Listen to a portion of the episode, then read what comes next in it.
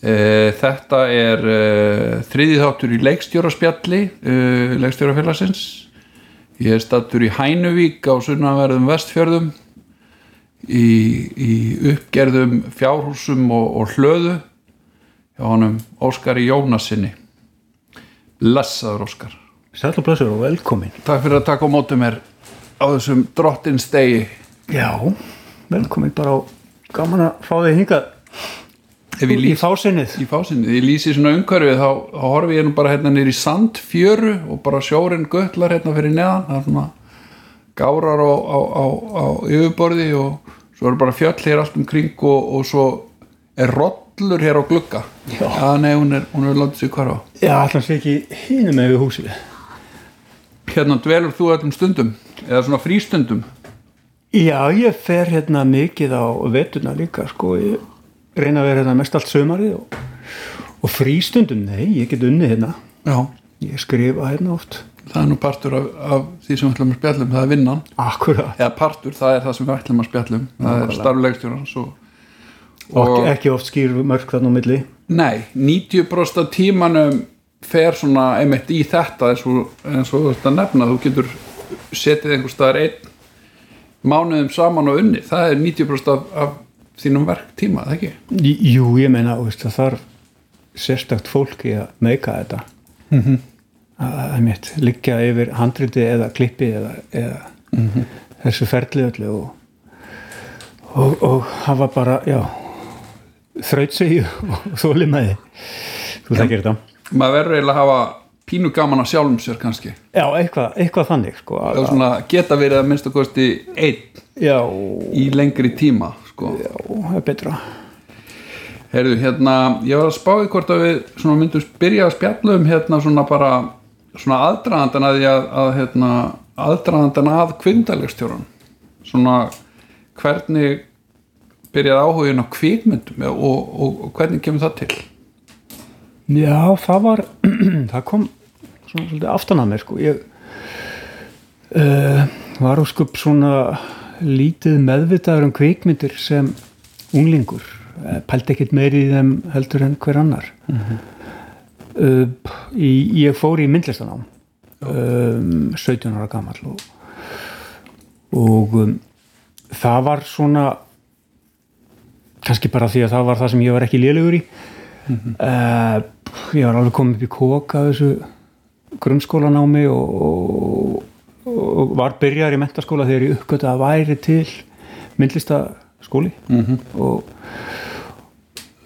og datt þar inn og, og, og þar komst ég síðan að því að væri til fjöldtækni deild sem að var svona uh, í hugum flestra sko innan skólans var það bara eitthvað svona frík deild það, það voru svona furðulegir myndlistamenn að, að gera list sem enginn skilur. En en það náttúrulega reyndist bara að vera þýlitt gefur spór sko því að uh, ég held að ég hefði nú ekkert svona orðin eitt uh, hamgisamur myndlistamaður nei. En þarna fekk maður að, að, að, að úst, við stopnum hljómsveit mm Óksmá Óksmá, já, Óksmá, við keli vorum að rifja það upp bara núna um daginn að, nafnið Óksmá átti að vera eins hallarlegt og hugsaðst já, og smá var það fyrst já. en svo breytist það í eitthvað svona og X, smá það er mér rætt í með. X-inu sko en svo vorum við í, já, í, í, skúltúrum og, og, og innsetningum og við settum upp leikrit og svo náttúrulega bara kvikmyndir mm. -hmm. vorum að gera ykkur experimental kvikmyndaverk Já, þetta er hvað 80 og sko uh, þetta nákvæmlega þetta er 82 til 84 5. já, þetta er hljómsveitin er stopnuð sko eiginlega bara já 81 2 mm um, já, já, þetta er, þetta er svona uh, svona það ferli sem veldur því að ég fer að pæla meira og meira í kvikmyndum. Já, og ég man mjög vel eftir sko svona mómentinu þegar það kom um, þá vorum við svona hópurinn uh, seli, langi seli Mhm. Axel Hallkell og, og sem sagt uh, Hrafkell Sigursson sem eru báðir myndlistamenn uh, og með minni er að Kormakur Geirharsson hafi verið með í þessari ferð þar sem við fórum á myndina Leitin af eldinum mm -hmm. mannstu þetta henni? já, já. Tekin upp að hluta á Íslandi var ekki, eitthvað smá? Var það? var ekki? Með þessum minni það. Leit svolítið þannig út sko. Þetta er sko, mér minnir að vera einhver í dagar teknir eitthvað á Já. Íslandi. Það getur, getur verið að mér segja misminn en ég man mjög stert þessi, ég náttúrulega er aðeins yngriðum mann eftir þessari mynd sko. Já, já, fransk. Já, og hún fjallar um fornmenn, frummenn, einhvers konar mm -hmm. hellamenn mm -hmm. ég vandraði með eldin sinn. Um, og við vorum eitthvað að kjæfta það er ekkert mál að gera svona mynd. Og veist, maður þarf ekki neina leikmynd sko, eða veist, maður þarf ekki að smíða neitt sko. Nei, en engin leikmynd og engin texti. Já, engin texti. það var ekki komið tungumál það var meira bara svona mm. alveg rétt. Já, það var bara einmitt ákveðið að kýla það gera svona frummannamynd. Já, uh, og, og ég einhvern veginn bara tók að mér að setjast nýr og skrifa handrið að þessara mynd. Já, og það, það var eitthvað sem bara uh, kveikti gríðarlega í mér. Já, að sitja uh, með einhverja ritvel og, og pikka inn söguþráð. Og það voru ekki liðna margar mínútur þanga til að söguþráðinu var orðin science fiction. Já, það var coming to game bara Já. langt inn í framtíðin já, með svona frummanna kapla í. Já, já, já, svo allir eru glæðir sem þetta varð síðan Oxmá Planetan já, kvikmyndin. Uh, en eins og segi, ég man svo vel eftir þessu eh, ég held ég hafi bara glemt að sofa eina nótt og bara skrifaði og skrifaði og skrifaði og, og hakkaði þessu út og þetta átti svo vel við mig að skrifa og, og ég finn ennþá veist, þessa tilfinningu þegar ég sit við skriftir. Mér finnst það svo gefandi, mér finnst það svo kreatíft. Og, og ég, ég- mér finnst það vera eitthvað svo, svona sem er endalegst hægt, a, hægt að þróa og, og reyna betur um þetta sig í að skrifa og fá hugmyndir og pæla. Já. um, já, þetta var svona kannski kveikjan þessi leitin af eldinum. Já. Hérna og svo gerið einhverjar fleiri myndir eða það ekki, svona í kjálfarið það kom einhverjar svona fleiri myndir frá þessum hóp og það ekki, Jú, það var aðalega ein önnur sko, fyrir utan tónlistamindband ég sjúðu með Nína? Jú, Já, hún var svona öðruvísi hugsuð sko, hún átti að vera átti að gerast sko early 70s 73 mm. í Reykjavík. Hún átti að vera að gerast tíu árum fyrir hún var gerð og okkur fannst það ógeðslega hérna kontroversial já, um, og fjallaði um svona að var svona kannski svona guðmyndur og geirfinnsmáls stemning yfir já, einmitt. Andrúsloftinu Já, sko. það er svona, það pínu svona eitthvað, eitthvað djam og já, klúburinn í borgatúni Já, eitthvað svona ólifnaður í já, gangi já, já. svona hippa skástrík uh, svona sukkmenning já, og, og sjómennska var það að vera þannig og þetta var kannski full metnaðar fullt verk. Já. Hvað var hún löng myndin? Hvernig, hvað endaði hún? ég held að hann hafi endað í alveg 70-80 mínútur. Já, einmitt. Og þetta var svaka mikið handrit. Og þetta varð þetta varð halgir kvöð. Já, þetta var of, of stór biti kannski. Já, Þú kannski ekki komin með, þú veist, eða það voru ekki næg verkfæri í kistunni til Nei, að gera þetta almennilega nákvæmlega og bara í alveg, ég man ekki eftir að hafa orðið jafn stressaður í kvikmyndagjör síðan.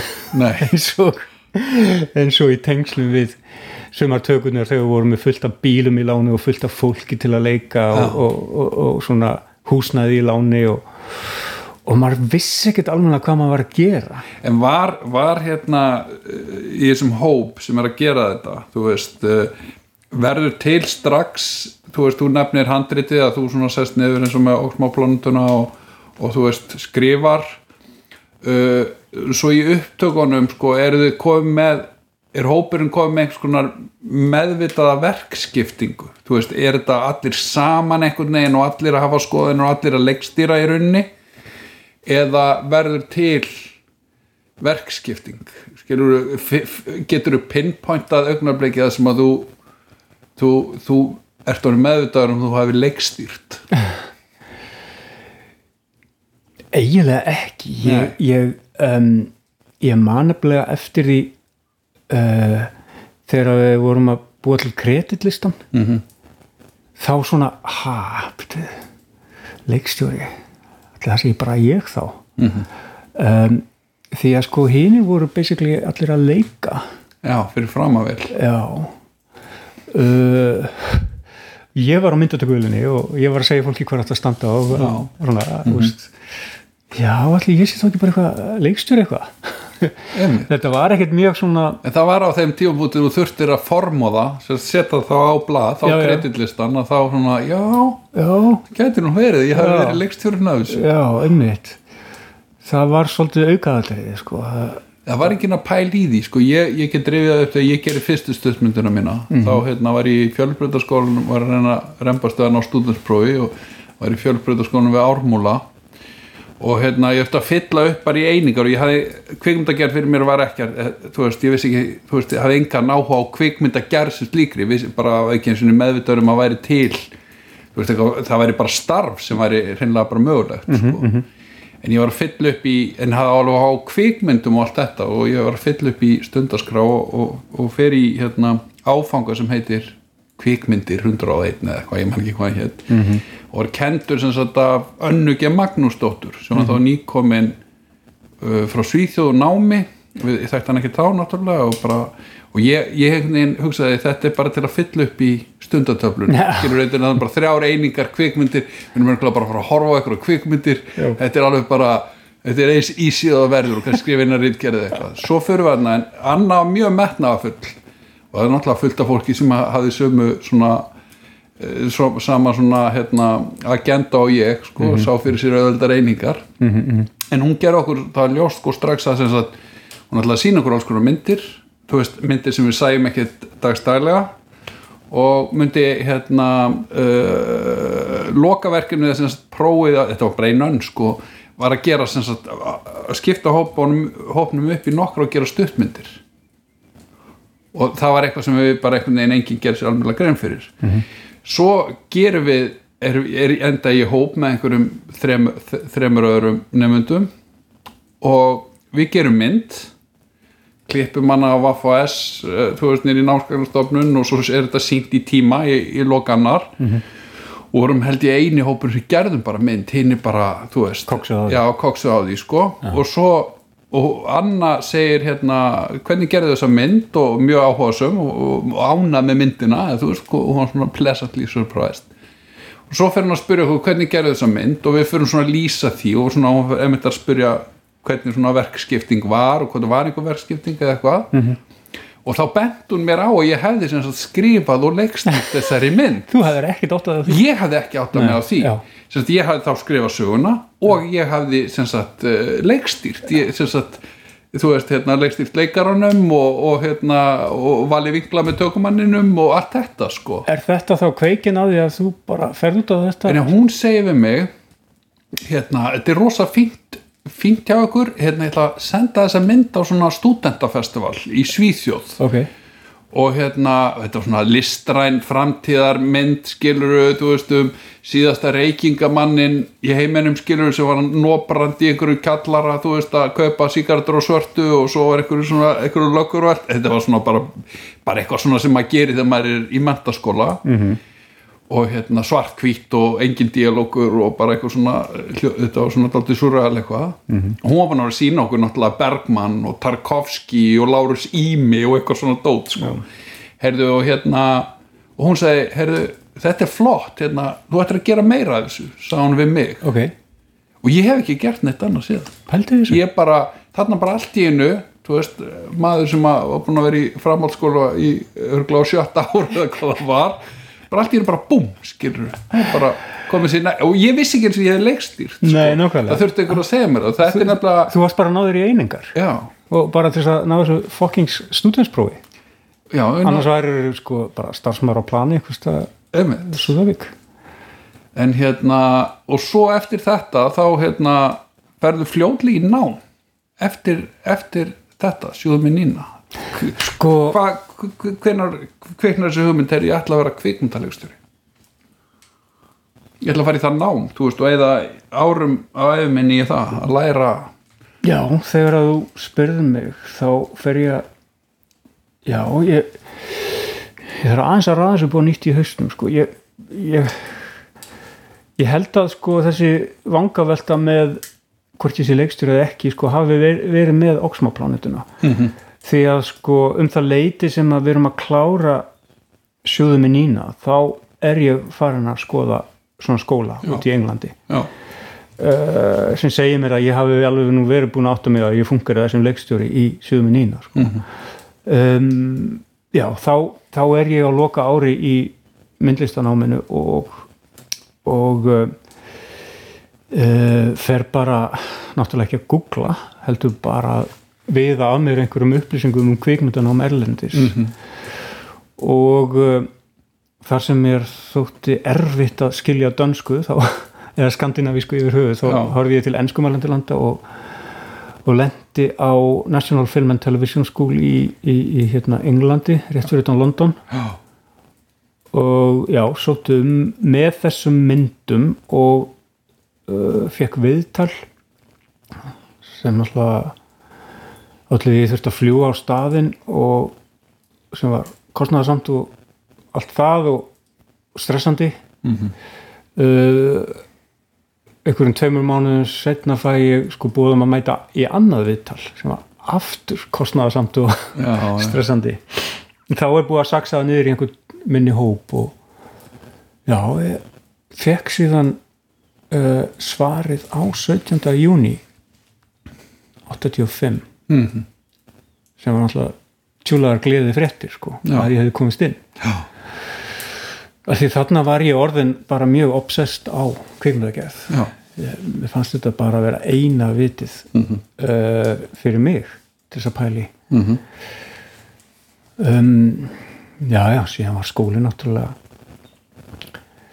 uh, blóðsvit og tár sko voru einhverjar svona þú veist, voru einhverjir leikstjórar eða einhverjar kvikmyndir sem að þú veist, þú nefnir þarna leitin eldurum sko, en, en hérna voru einhverjir leikstjórar eða kvikmyndir sem höfðu svona mótandi áhrif á þig á, svona, til að byrja með, var eitthvað sem á svona horðir til?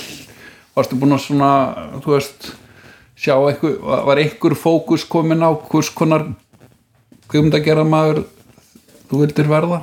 Sko já, það, það voru Lynch og, og, og, og hérna Tarkovski Mhm. sem að eru mjög einmitt svona myndrænt, svona myndlistar uh, orienteraður mjög sko Lins er náttúrulega myndlista maður sko já. en svo voru aftur á móti líka sko myndlista kvikmyndagerðamenn eins og Jarman mm -hmm.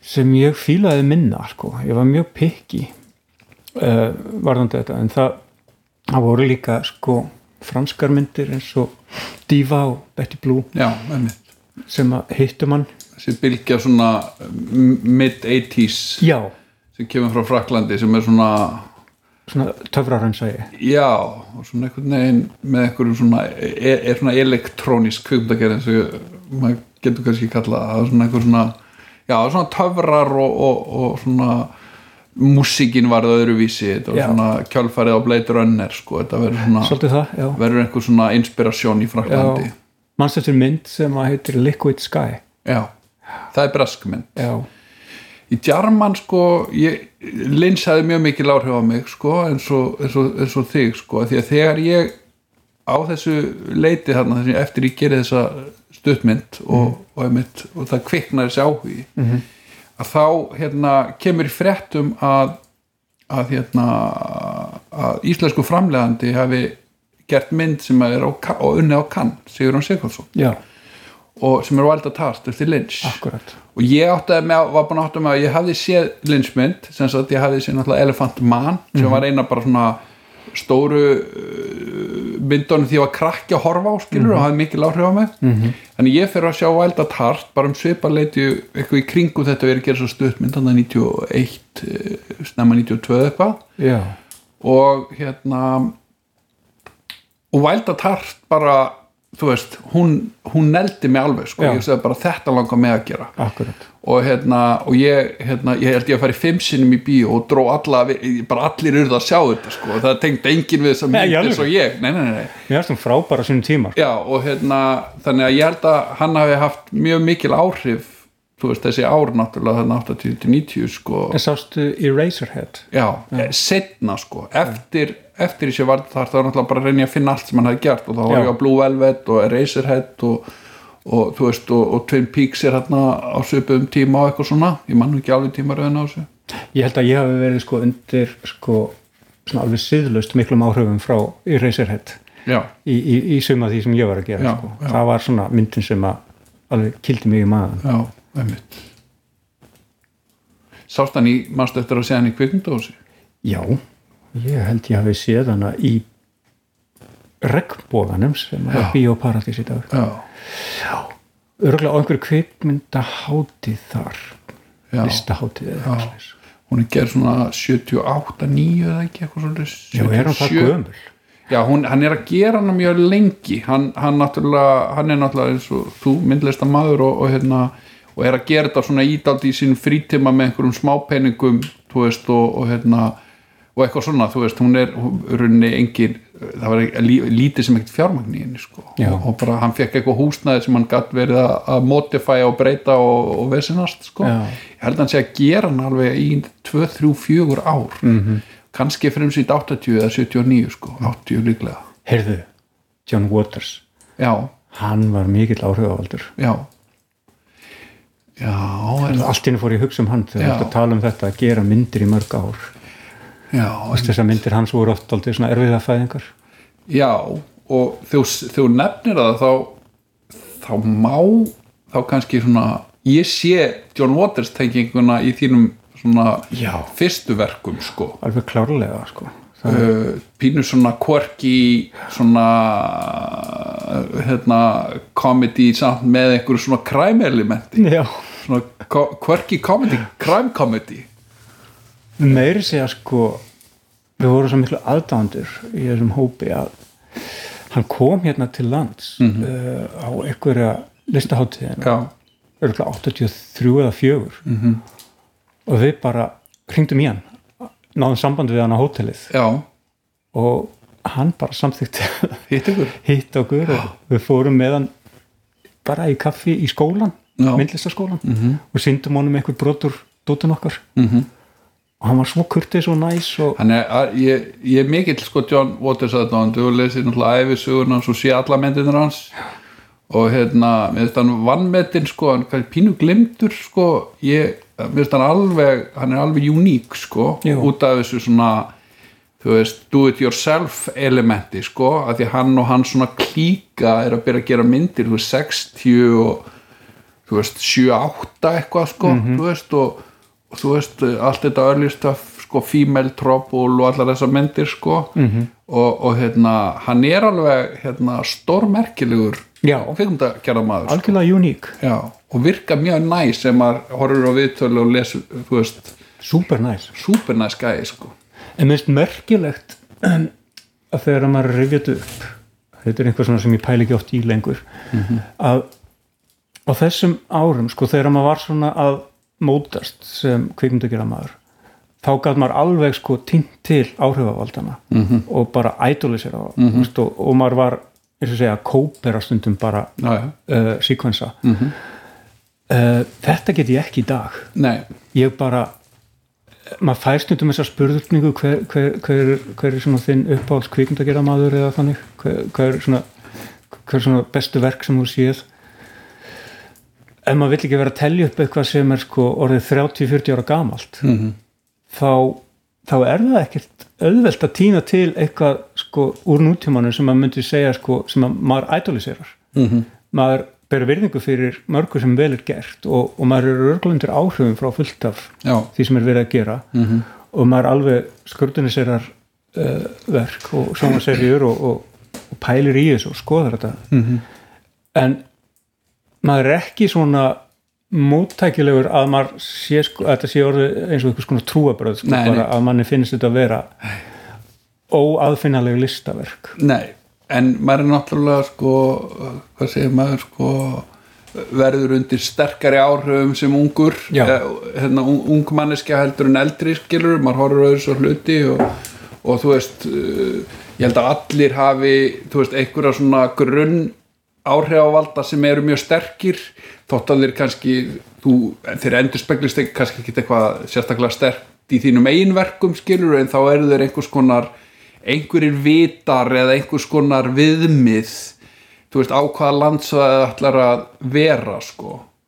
Og, og hérna fyrir mig sko Lynch var náttúrulega mjög sko inspirerandi svona til að byrja með.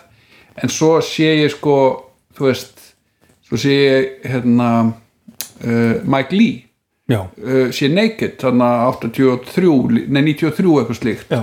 og það breytti aftur lífi mínu sko því að það, það svona ítti mér það var nær því sem að sko ég uh, hvað ég segja, mínu eigin sjálfi skilur þú veist, Já. í efnistökum eða, eða hvaða nú er skilur þú veist, Já. Það var meira svona það er hverstagslegra uh, meðan Lynch er náttúrulega sko hérna hann er, hann er, hann, hann er á annari tíðni skilur þú veist, hann, hann býr til sín ein, ein heim sko já.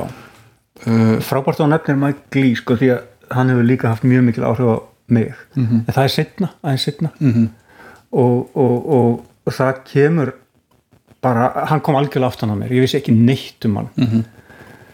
Byrju, sagður að 80, var ekki neitt ní- þetta er 93 Já. þá, þá hérna, ég var einmitt í New York og, og hérna og Rambabrenn og sömynd, við ekkert um hennan mann hafði já. aldrei heyrt um hann einhvern veginn hafði ekki komið til Íslands með fyrstu myndirnar, þú veist, High Hopes og Life is Sweet og eitthvað, allan farið fram hjá mér. Já, ég held að það hafi ekkert verið síndar hérna heima. Nei, svo, svo Naked er henni svona, þú veist, það er velunin á kann og eitthvað svona og þá svona uh, kemur hann í forgrunn þú veist, í svona kvikmyndaheiminum já, og hann, ég fyrir tvísvar ég man ég var í New York einhverjum nokkra mánuði og ég bara, ég fyrir tvígang að horfa á þessa mynd, að hún bara svona sprengdi á mér hausinn. -hmm. og ég var svo forvitin þú veist, hvernig gerur hann þetta? Algjörlega, ég sá hana nýlega og hún eldist svo vel. Já, ég er nýbúin að, tildur að nýbúin að sjá hann aftur sko. En sko hann var frekar obskjúr kvikmyndagerðamaður í Bretlandi mm. -hmm. þangað til Naked kemur fram.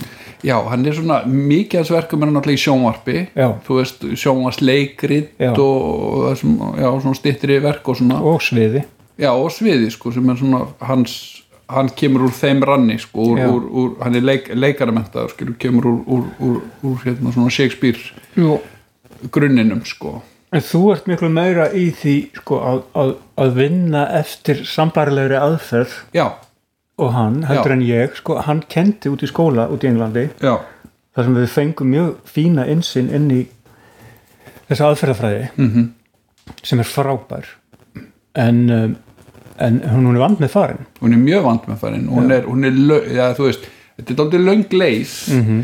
en, en sko ávextirnir verða djúsi skilur við, því að þú, þú þú ert í svo miklum jarðvegs hérna, þú veist, mikilli moltugerð einhvern veginn, skilur að, að, að þú veist, þetta skila sér í sko, í grunn skilur þetta sér náttúrulega bara í leik, skilur eða performance hlutanum, sem að fyrir mér er sko uh, þú veist það sem ég hef lagt mesta áherslu á sem, sem höfundur og leikstjóri er, er í rauninni svona persónusköpunar hlutin það er það sem kveikir í mér skilur og vekur, hérna, vekur með mér áhuga. Minna, kannski minna heldur en einhver, plott eða, eða einhver svona eh, einhverjar fléttur í söguþræði sko. Að því ég, mitt ég sko um, gerði verk sko 96 sjö, Perlur og Svín -hmm. sem mm, sko byggðist á þessar aðferðafræði. En einmitt eins og þú segir sko uh, plottið má ekki taka yfir. Nei, um, ég held að það hafi flækst fyrir mér í í, í þessar aðferð, í þessar aðferð já, að, að, að, að sko um, úst, galdurinn er að passa einfalleikan já. Já, láta sko það, það er eitt með plott og, og persónusköpun eða semst karakter og plott sem að, þú veist, ég, ég er alltaf svona, þú veist að þetta er aðgreint svona til þú veist, auðvitað umræðuna þú veist að ræðum personur og ræðum plott þú veist, sem sikkuran hlutin -hmm. ég held að þegar best tekst til í í skáldskap yfir höfuð er þegar plott og persóna er sami hlutur. Nákvæmlega. Að þegar það er engin greinamennur á því. að sem sagt, það sem gerist sagt, plottið, atbyrðinir eru út frá karakter spretta. Já. af persónum Já. eða persónugerð þeirra vilja og þeirra þörf öllu þessu að þá og þetta er svona samofið og verður að einum hlut Akkurat. að það, það eru það það, þá geng, hefur hluturinn geng, gengið upp ef þú getur aðgreint þetta ef þú ert að horfa á kvikmynd eða lesa bók og plottið og, og þú getur aðgreint plott frá personu að þá, þá er, hefur eitthvað aðeins farið út á Já. þá eru tveir teinar eða tvær lestar Já, í ertu annars, sko. annars vegar með fólk og hins vegar með faratæki sko. já, þá er svona einhver, þú veist, þú kemst einhver sagði sko, þú kemst upp með eina til tvær tilviljanir Já, í sögu Já. ef það eru orðnar fleiri eða eitthvað sem kemur svona ofan skilur eitthvað, hérna, guð í vélinni eða eitthvað ef það eru of mikið af tilviljunum of mikið af svona einhverju óvæntu sem keirir inn í söguna til að eitthvað plott verið til akkurat að þá ertu á hættulegu, hættulegum stað sko. Já. en Mike Lee hann hefur þá verið að kenna í, í National já, Já, hann eh, eins og ég segi, ég hafði ekkert heyrt um hann og, og við vorum undirbúin fyrir námskeiði með að horfa á nokkrar myndir Mhm.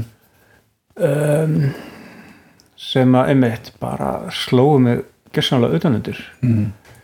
en hans svo tjúlað að maður hefði hvergi fengið að sjá þetta já, og þetta er akkurat líka bara þetta að þarna er fólkið í myndunum nummer 1, 2 og 3 og stundum getur maður varla sko raki söguþráðin Nei. hann er það uh, fyrirferða lítill já. en maður situr samt bara alveg á stólbríkinni Mhm. alla myndina Mhm. og, og og margar þeirra eru eins og Abigail's Party hún, hún er bara, gerist inn hún er leiksýning sko, Mhm. uppalega sem síðan er sett í Mhm. sjónvarp og hann var að gera þessar myndir fyrstu myndir fyrst og fremst í sjónvarpi og, en, en síðan kemur hann og, og, og, og, og, og þetta er engin tími til þess að fara í margara vikana eða mánaða persónusköpun með leikurum heldur uh, segir hann okkur mjög ítalega bara frá vinnu aðferðin sínum og, og, og svona fer í sauman á myndunum Mhm. og síðan gerðum við svona litlar eh, stúdíur eða, eða stuttmyndir Mhm. um, þar sem að hann svona kannski, já, þjálfaði okkur í að nýta þessa hugmyndafræði til að æfa leikara. Já. og það er það sem að eiginlega kemur sterkast sem reynsla út úr þessu námi hjá mér. Er, er þessi bara nálgun á leikurum og mikilvægi eh, leikara vals og, og leikara vinnu og að um, gefa leikaranum það að hann eigi karakterinn meira heldur en höfundurinn eða leikstjórinn að ka- að karakterinn sé hans já. einmitt. mér finnst bara æðislegt þegar ég get farið til leikara og spurt sko, úst, á hvaða tónlist hlustar þessi Já, einmitt. í, hvað, í hverju myndi hann vera þegar hann er að fara þangað já. þegar leikarinn veit meira en Mér finnst það að vera í rauninni þetta, þetta augnablík þar sem að þegar leikarinn hefur tekið fram úr mér sko, sem sagt, uh, þú veist, í vitneski um persónuna já, að þá, þá get ég slakað á Já, skilur að því að þá, þá er þetta bara þar veist, ég er búin að autopilot. Já, já, þá bara, þú veist, er, er, er persónu í örgum höndum leikarans Al- þegar hann, þegar hann, þegar, þegar hann kemur ekki að tómu kofan og það er heimspeiki Mike Lee, eða sem sagt vinnu heimspeikin er að hérna að undir byggingin að persónunni eða sko þekkinga uh, grunnurinn sem snýra bara öllu um persónuna hvort sem að sé, þú veist, baksagan eða, eða persónulegu smekkur eða hvað sem er að, að leikarinn þegar hann veit allan þú veist, hérna, grunninn þá getur hann byggt ofan á það. Hann, hann er ekki að leita að svörum í tökum eða eitthvað, hann er búinn að þú veist, hann þarf ekki að svona ja, að fara að velta fyrir sig mitt. Hvað, hvað tónlist ætla hann að hlusta? Þú veist, hann er búinn, leikarinn er búinn að því Já, sko, já. Þannig að það er það sem að hérna, sprengt á mér hausin í Soundnaked Mhm. var bara að þegar það voru sko litlu performancendir eða sem sagt Já. Litlu hlutverkin það er sérstaklega sko eftirminnilegt hérna Júan Bremner, skóskuleikari sem leikur í Naked, hann er í mjög litlu hlutverki leikur, já, hérna, hérna, leikur svona skota ávirkan með, hérna út á er að leita makku kæristunni sinni. Það er alveg- episkur performance. Það er episku performance og hann er held ég fimm mínútur fjóra til fimm mínútur á tjaldinu Já. í myndinni. Já, en hann skilar sko sem sagt personu sem að er alveg bara heil djúb skilur þú veist og þú bara, hún vekur upp svo rosalega margar spurningar Já. og það er vísað í einhverjar atbyrðu úr fortíðinni bara örlíti í díalóknum og eitthvað maður bara finnur að það er bara maður að sjá toppæfingunum í sjaka og 90% eru þarna undir utan myndar utan, mynd, utan myndaramanns en það er búið að, að byggja þú veist, ís, ísin er ekki hólur skilur, hann er Nei, massífur sko. massíf vinna þarna bakvið og, og, og líka bara hvað gaurinn er ekki sambandi við Veist, hann er algjörlega inn í sínum heimi. Já og það, og það er hérna ein talandi um leikstjórn og þessa aðferð, minnst hún lýsa henni einna best eða lýsi kannski, þú veist hversu langt er farið í vinnunni að þegar þeir eru að undirbúa þessa mynd og, og Mike Lee er kannski með 10-12 manna leikara hóp segjum það, það er mis, mikið og er að vinna mjög mikla karaktervinnu með hverjum og einum og svona og þú veist áður en að það verður til eitthvað plott eða einhvers konar saga hann er með sko bremner í hérna, þeir eru búin að þróa hann karakter og svo langaði hann að fara með hann út á meðal almennings. Hann er náttúrulega óþættur leikar á þessum tíma og þú getur farið hann getur farið út á götu í karakter bara interakta við e, raunveruleikan þannig að þeir eru í Soho einhver staðar og, og hérna bara nálat hérna, skrifstofunni sem Mike Lee og eða framslu fyrirtæki var og, og Mike Lee sem sest á kaffihús og bara situr við göttuna og drekkur kaffi og sendir sem brennir yfir og hann á að leita að möggu, kærastunum sinni Maggie sko, já. og bara svona interaktu við fólk og vera bara í karakter, bara í klukkutíma tvo eitthvað, það ég man ekki tíman að því og svo ætlaði hann bara að fylgjast með og svona, þú veist, bara observan yfir göttuna, þú veist, og eitthvað svona. Svo fer þú böndunum að því að personin er bara þannig að hún er, hún er frekar aggressív og í pínu annarlegu ástandi og reið og, og hérna og það verða, verða riskingar á milli sem þetta bremner og einhvern gangandi vegfarandi. Ok, og Michael bara horfir upp á þetta og hérna bara ok veist það er engin, það er ekkit blóð og, og þú veist það er eitthvað svona en, en það endar á því að það er einhver sko hérna verslunareigandi eða eitthvað sem ringir á lögregluna. Lögreglun kemur, bíl kemur njögutuna, hann tekur bremner og gerir í burtu. Og Michael er bara svona ups, hvað gerðist. Já, þetta er ekkit bá, hann leipur upp á skrifstofu Já. þetta er náttúrulega fyrir GSM tíma og, og hérna ringir hérna á lögustöðuna og bara, bara þegar sé alveg hreinu skilur að þú veist þetta var leikari sérst, var að, þetta var ekki maður með sér Jú. kannast engin við hann löggan er ekki komið með hann og hann bara, neha svona 20 myndur síðan, nei, engin komið. Og hann ringir á næstu lögreglustöð sem var utan Soho eða sem bara í næsta hverfi. Nei, engin maður með þessu nafni Bremner, Jóhann Bremner, engin reykist á hann svo bara rennur þér frá hann ljós skilur að hann er ennþá í karakter. Og hérna ringir aftur á fyrir lögreglustöðuna og nefnir nafnið hans p- já, karakternafnið. Já, já, hérna þekkjur þann mann hérna vinsalega skotti hérna og, og hérna, hérna hann er til vandraða og, og Mike Lee og, og hérna, Simon Channing Williams framlegandinn hans þeir fara niður á lögustöð kom inn og þegar kom inn þá brennur með glóðuruga búin að lenda í slagsmálu við einhvern annan sem var í hérna, fangaklefanum og ennþá í karakter. Vá.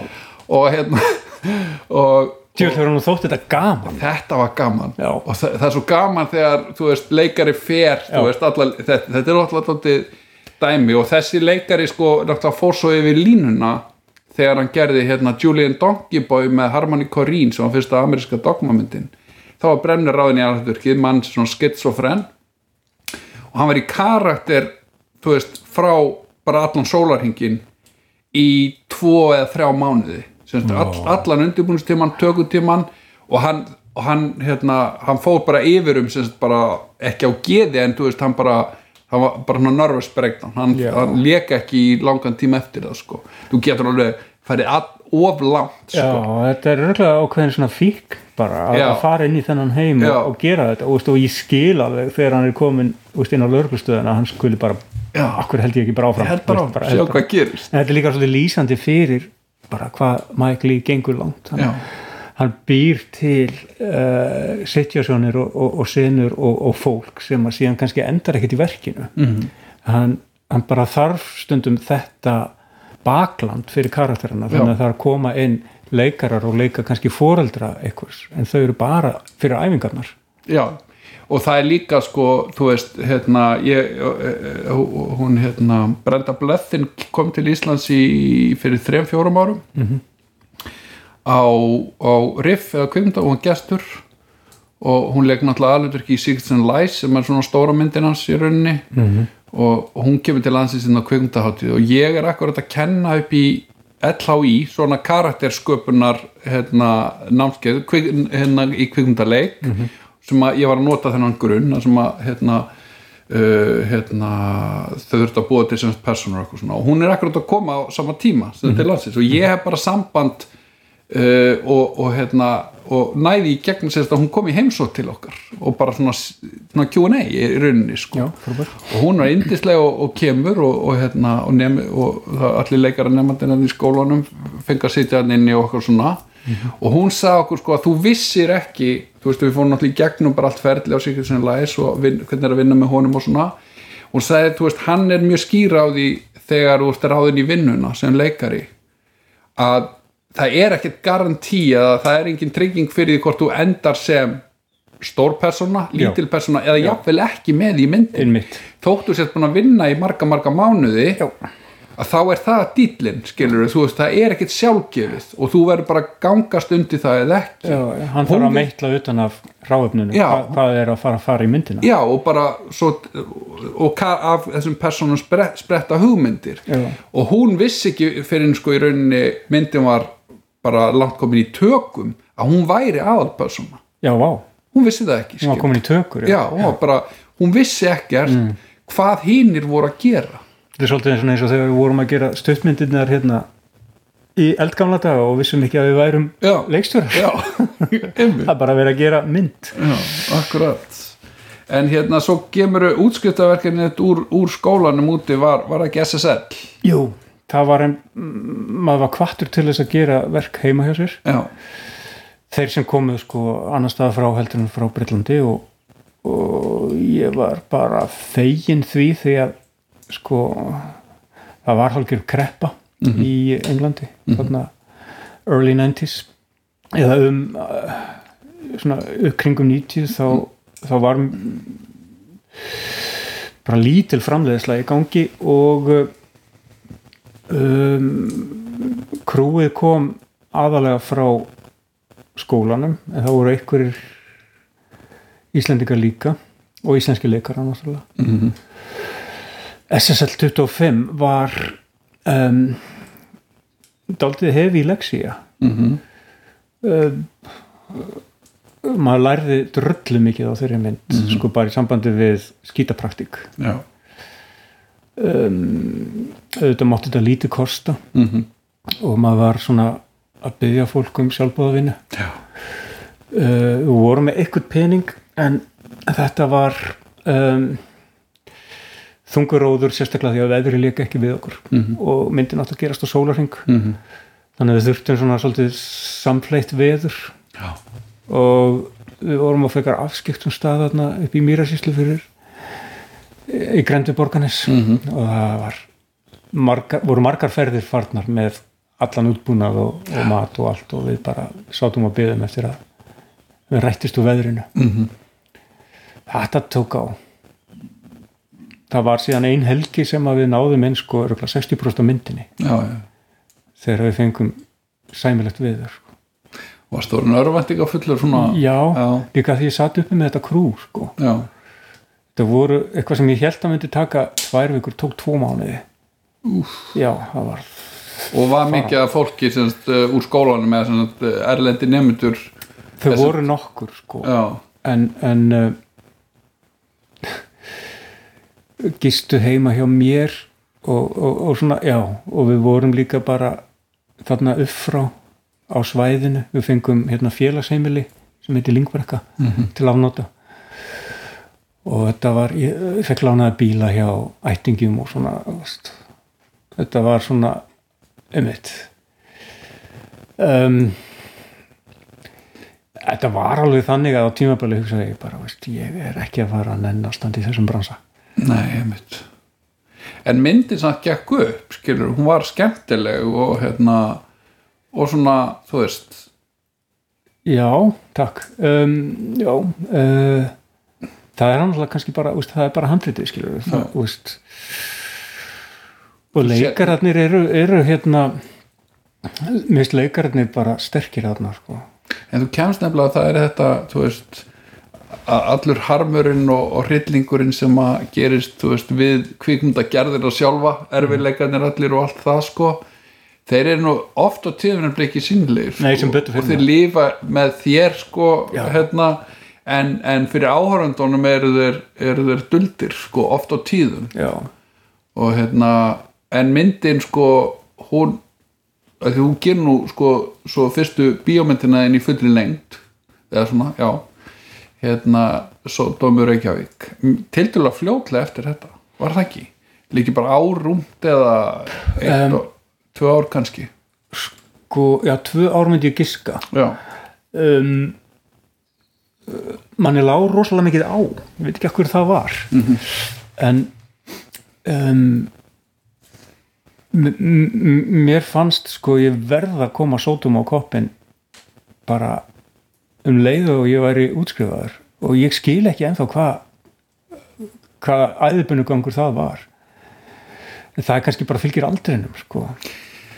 Já eða kannski bara svona upp, upp, uppsöfnuð spenna. Eða þú veist að koma að, gera skilur eftir langt nám og já, kannski það, já. Þú ert búin að vera að gera náttúrulega sko, þú tekur bara allan hann tíma þú veist, allan þennan hérna, áratug, þennan nýjunda, 80-90 þú ert náttúrulega búin að vera að byggja upp að því að gera bíómynd. Þú ert búin að vera að gera slatta af myndum og fara í nám og þú veist. já, þetta er svona, já, þetta er komið svona aðdrandi, svona Já. í, í þessa kvikmynd í fullri lengd, ég man hvað manni fannst að vera svakaleg bara svaka koncept, kvikmynd í fullri lengd þetta fullri lengd. Já. einhvern veginn svona proper það, established. það var, það er svona the ultimate goal eða svona, hið, hið, hið, hérna, svona endanlega takmark alltaf er að gera fyrstu myndina. Já, að því að þá einhvern veginn þegar maður er ungur og er ekki búin að því þá heldur maður einhvern veginn að hún þá setja bara smooth sailing sko. Maður gerir fyrstu myndina þú veist og þá er maður komið með það skilur þá er maður komið með passan skilur í vasan og getur ferðast hvert sem er og gert hvað sem er sko. já en það er ekki það er bara ekki rétt sko. nei, nei, nei, en manni, ég man, þú veist, ég gerði fyrstu mynd þá leið mér þannig að hérna ef ég get þetta, skilur það, ég var búin að vera þarna í 7-8 ára einhvern veginn að hugsa það já, að þá bara einhvern veginn, þú veist svo bara fatta maður á frumsýningu nei, heyrðu byrju, himnarnir opnast ekkert og fingur guður spendir ekki dámann, skilur maður sé orðin útvaldur og, og hérna, útvalinn og, og geti gert allt sem maður vil, nei, nákvæmlega ströggli heldur áfram og það er ennþann dag í dag. Maður er alltaf á núlpunti maður maður er alltaf að byrja alltaf- aftur. Ma, maður er aldrei skárri en síðasta verk sem maður gerði sko. En mér langar daldið að tala um Sódómu af því að hérna, fyrir mér er hún leikilverk í íslenski kveimundasögu og hérna, var í rauninni breytti lífu minnu, talandu um myndir sem breyta lífum hans, var fyrsta skipti sem að ég sé íslenska mynd sem að, sem að hérna, hittir mig, skilur persónulega. Af því að þú veist, auðvitað erum við alveg upp þú veist, á þessu tífambili hérna á kvik, kvikmyndavorinu og fram eftir þeim áratug, 80-90 að fara á íslenska myndir, bara eins og þjóðin gerði hó, hópaðist sko og, en, en þú veist, ekkert af þeim myndum sem ég sá á þeim tíma talaði beint til mín, skilur sem, sem mannesku eða, eða þú veist að- eitthvað sérstaklega. Þú veist, ég, þá er ekki að tala gera lítið úr þeim myndum sem voru gerðar á þeim áratug en þær voru ekki fyrir mig í rauninni. Svo sé ég hérna Sódómu, hérna 92 var ekki, jú. Jú, og hérna og ég held að það sé eina íslenska myndi sem ég borga með tvisvarinn á og í stjörnum bjói Já, ok. og hérna og að því að akkurat á þeim tíma hún hitti mig líka því að ég er sko að þetta er svona ári eftir ég geri fyrstu stuttmynd og ég horfi í kringum mig og, og hérna ég sé, það er ekkert miklar fyrirmyndir skilur þú veist að ætla að fara að verða kvikmynda leikstjóri eða kvikmynda höfundur og, og í nærum hverfiðínu er ekkert eitthvað svona er það ekkert eitthvað sérstaklega viðurkett fag? Skilur hvað ég menna það, það er rauninni þegar það er búið að að gera kvikmyndir svona á einhverjum skala í tíu ára á Íslandi þegar ég ákveði að vera kvikmyndalegstjóri já, þannig að þú veist að, að hérna, ég hafði ekkert miklar fyrirmyndir og hérna og uh, það er ekki fyrir en ég sé sótum og hugsa bara já það er, ég get gert. Það kemur ungur leikstjóri sem að hérna gerir verk sem ég tengi við þú veist, þú veist það er húmor og það er eitthvað e, það, þú veist það er pínupönk og, og umgæðisháttur og eitthvað skemmtilegt í gangi og ég tengi við það. Og hérna þú veist, það koma tværarar myndir á, á svipum tíma sem er, sem er hérna vegfóður og uh, Ingaló held ég árinu eftir eða ára undan, ég man ekki hvernig það var. Já, annarkort þú veist, það er að koma þú veist, þannig að koma svona yngri leikstjórar já, inn. já, Ástís Tórótsen, þú og, og Júli Kemp og svona, og það er, það eitthvað svona ekki kynnslóðaskipti það er að koma nýtt blóð. Já, og það var mjög inspirerandi fyrir mig sko, þú veist, hérna manna vinnu minn var í, í hérna, skiptinámi, eh, nei, skiptinum í Honduras, ég manni ég, ég fann um daginn bref sem ég skrifaði honum sko, hann var hérna 92 skrifaði honum bref og, og sem ég sendi aldrei, skilur því það var bara endaði í skúfið að fór ekki í pósthús. Og þar er ég myndi að segja þú veist, það er, að, hérna segja honum frá Sótum í Reykjavík og vegfóðri skilur, það eru konar, eru konar íslenskar kvikmyndir What? skilur, og hérna og uh, og það setur eitthvað svona hérna svona eitthvað nýjan tón, finnst mér í íslenski kvikmyndagerð þegar Sótum kemur. Við horfði aftur á hann um daginn hérna, talandi um það hérna. hún kemur í, í sjónvarpinu hann ekkert mann fyrir mánuð eða tveimur. Já, og mér finnst hún eldast ótrúlega vel já, og það held ég að sé að hún skapar einhvers konar heim eða þess að þú skapar heim sem er ekki hérna, auðvitað, þú veist eh, tengdur raunveruleikanum skilur þú veist, það eru hverstagslega hlutir og fólk en það er einhvers konar uh, ég vil sko, ekki ævintýri en það er einhvers konar heimur sem þú skapar. Ég heyrði þið svolítið á sínum tíma sko cartoony Já, það er eitthvað pínu kartúni, það er eitthvað svona það er eitthvað svona uh, heimur sem lítur sínum eigin reglum, þú veist, hann er einhvers konar upphafin raunveruleiki að einhverju leiti. Jú, það er svona eitthvað kannski kartúni, svona sérstaklega í svona atbörðir svona í setni hlutunum pínu kartúni í henni, skilur við. Uh, hérna svo, svo hérna, sementsbalinn eða hérna, steipubalinn og allt það sko sem er bókstæða byggður á, á svona teiknumynda ramma í myndinni. Já, einmitt. Og hérna en hún eldist mjög vel fannst mér og leikurinn er bara yfir, yfir par góður í henni. Og hérna og það er svona, það er einhver orka sem að, sem að mér finnst halda sér sko. Og mér svona standa pínu svona uh, hérna svona sem svona dálítið uník í íslenskri kvikmyndasögu. Sem svona bara í ef, efnistökum og, og, og hérna og svona og, og tón og öðru slíku skilur, hún er alveg svona hún er hérna dálítið merkileg, finnst mér sko. Já, gaman að heyra sko. Ég á í svona einhvers konar ástarhattur sambandi við hana. Já, sem að um, ég veit að margir kollegar okkar uh, er að díla við þetta sama að maður á erfitt með að horfa á verkin sín. Ég, ég eiginlega meika ekki að horfa á hana. Nei. eða önnur verk yfir höfuð sem ég hef komið nálagt uh, maður getur látið sér hafa það náttúrulega. Uh, ég þurfti að horfa á hana því hún var endur uh, litgreind og, og uppfærð í fyrra. Uh, og ég bara tók út fyrir það skilur uh, en kannski líka að því að það er alltaf verið að spyrja mig hvenær kemur hérna Sótuma 2 og veist, uh, á ekki að hérna gera Sótuma Akranes og, veist, allt þetta veist, og, og vera að bera önnur verk sem ég hef gert við hana og svona. Mhm. en náttúrulega á hinbógin uh, var hún mikið gæfur spór fyrir mig. Veist um, hún uh, gekk vel í bíói og, uh, og hefur orðið langlíf. Mhm. uh, og kom manni strax á kortið eftir námið út í Englandi. Þú veist maður um, gatt svolítið svona uh, um frjálstöðu strókið í kjölfarið. Þó að ég hafi svo sem ekkert vaðið í verkefnum þarna. Nei. ekkert svona einhverjum óska verkefnum. Hvernig er hérna landslægið, við langaði að spyrja um það einmitt, sko, þú er svona landslægi íslenski kvikmyndagerð þú veist, þú ferð erle, út í námi 95, nei, 85 eða eitthvað svo leiðis Jú, 85. þannig að það er ekki eins og það sé eitthvað svona uh, segir sko blóm, blómlegu kvikmyndaðinnar á Íslandi skilur, þannig að þetta er ekki svona á pappirnum uh, hérna svona praktist námafari uh, og svo kemur heim hérna, þarna ní- 89-90 og, og hérna gerir sótumum bara hérna í kjölfarið. Hérna, bara hvernig er svona landslæg hvernig er þér tekið hvernig svona er umhverfi bara nú er ég búin að skrifa handrit ég er leikstjóri, ég ætla að koma því á koppin hvernig er umhverfi sem úrst að díla við?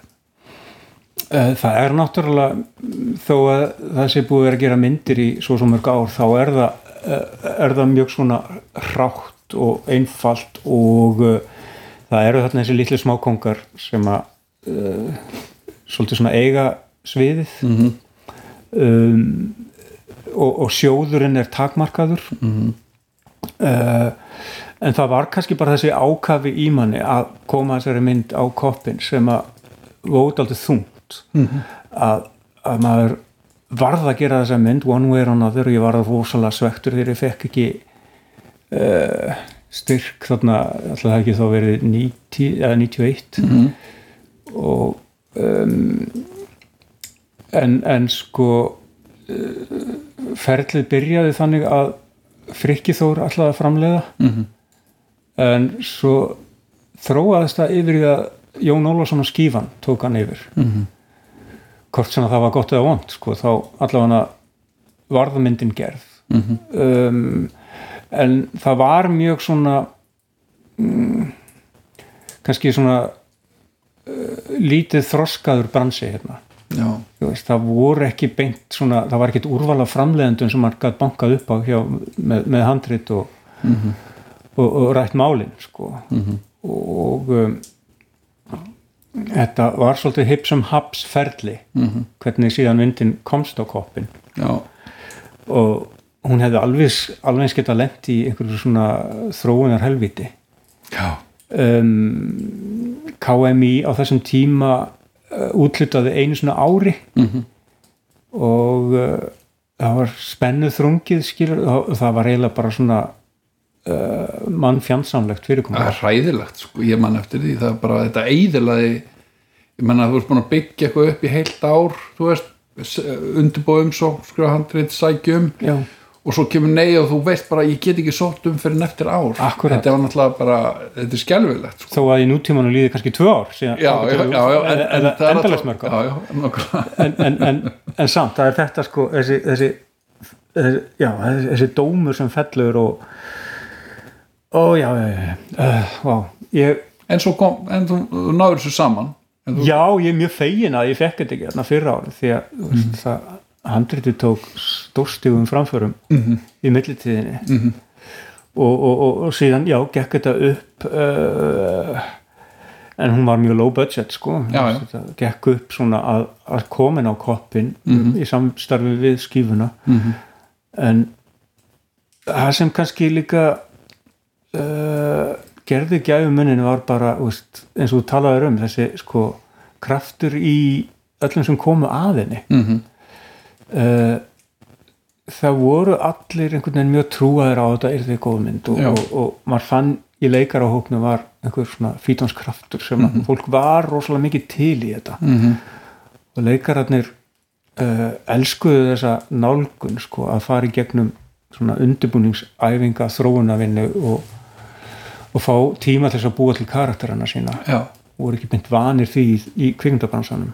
En maður finnur það líka svo stert það er, það er, það er mjög mikið leiklið í myndinni Jú. orka og þessi orka sem er náttúrulega veist, hún, hún, hún er á alla það er ekki bara, leikstjórin sem er, veist, ungur og vill kýla og gera á, gera heldur veist, það er leikarinn, þú finnur það alveg. Það er alveg gríðarlega orka, það er allir í karakter, það er allir þú veist, hérna, þú veist þetta sem við tölum aðan með Mike Lee sko, þú finnur alveg það er baksaga, þú færð ekki þú ert ekki að velta þig mikið upp úr baksöguna hverjum karakter, þú veist að því að í rauninni, þú veist uh, plottið í Sodom er bara mjög simpelt skilur þú veist, þetta er þetta er bara mjög einfaldur þráður. Jú. en það sem gerir sprettur af karakter þú veist, hérna, þú veist allt glæpavesinið í kringum sko, hérna ma íslensku mafíuna, skilur ekkert þólis og það, það er allt sprottið af einhvers konar þú veist, þú, þú farið einhver svona vísir að baksu úr æsku og eitthvað, þú veist hv- hvernig verður, verður þetta fólk uh, að því sem það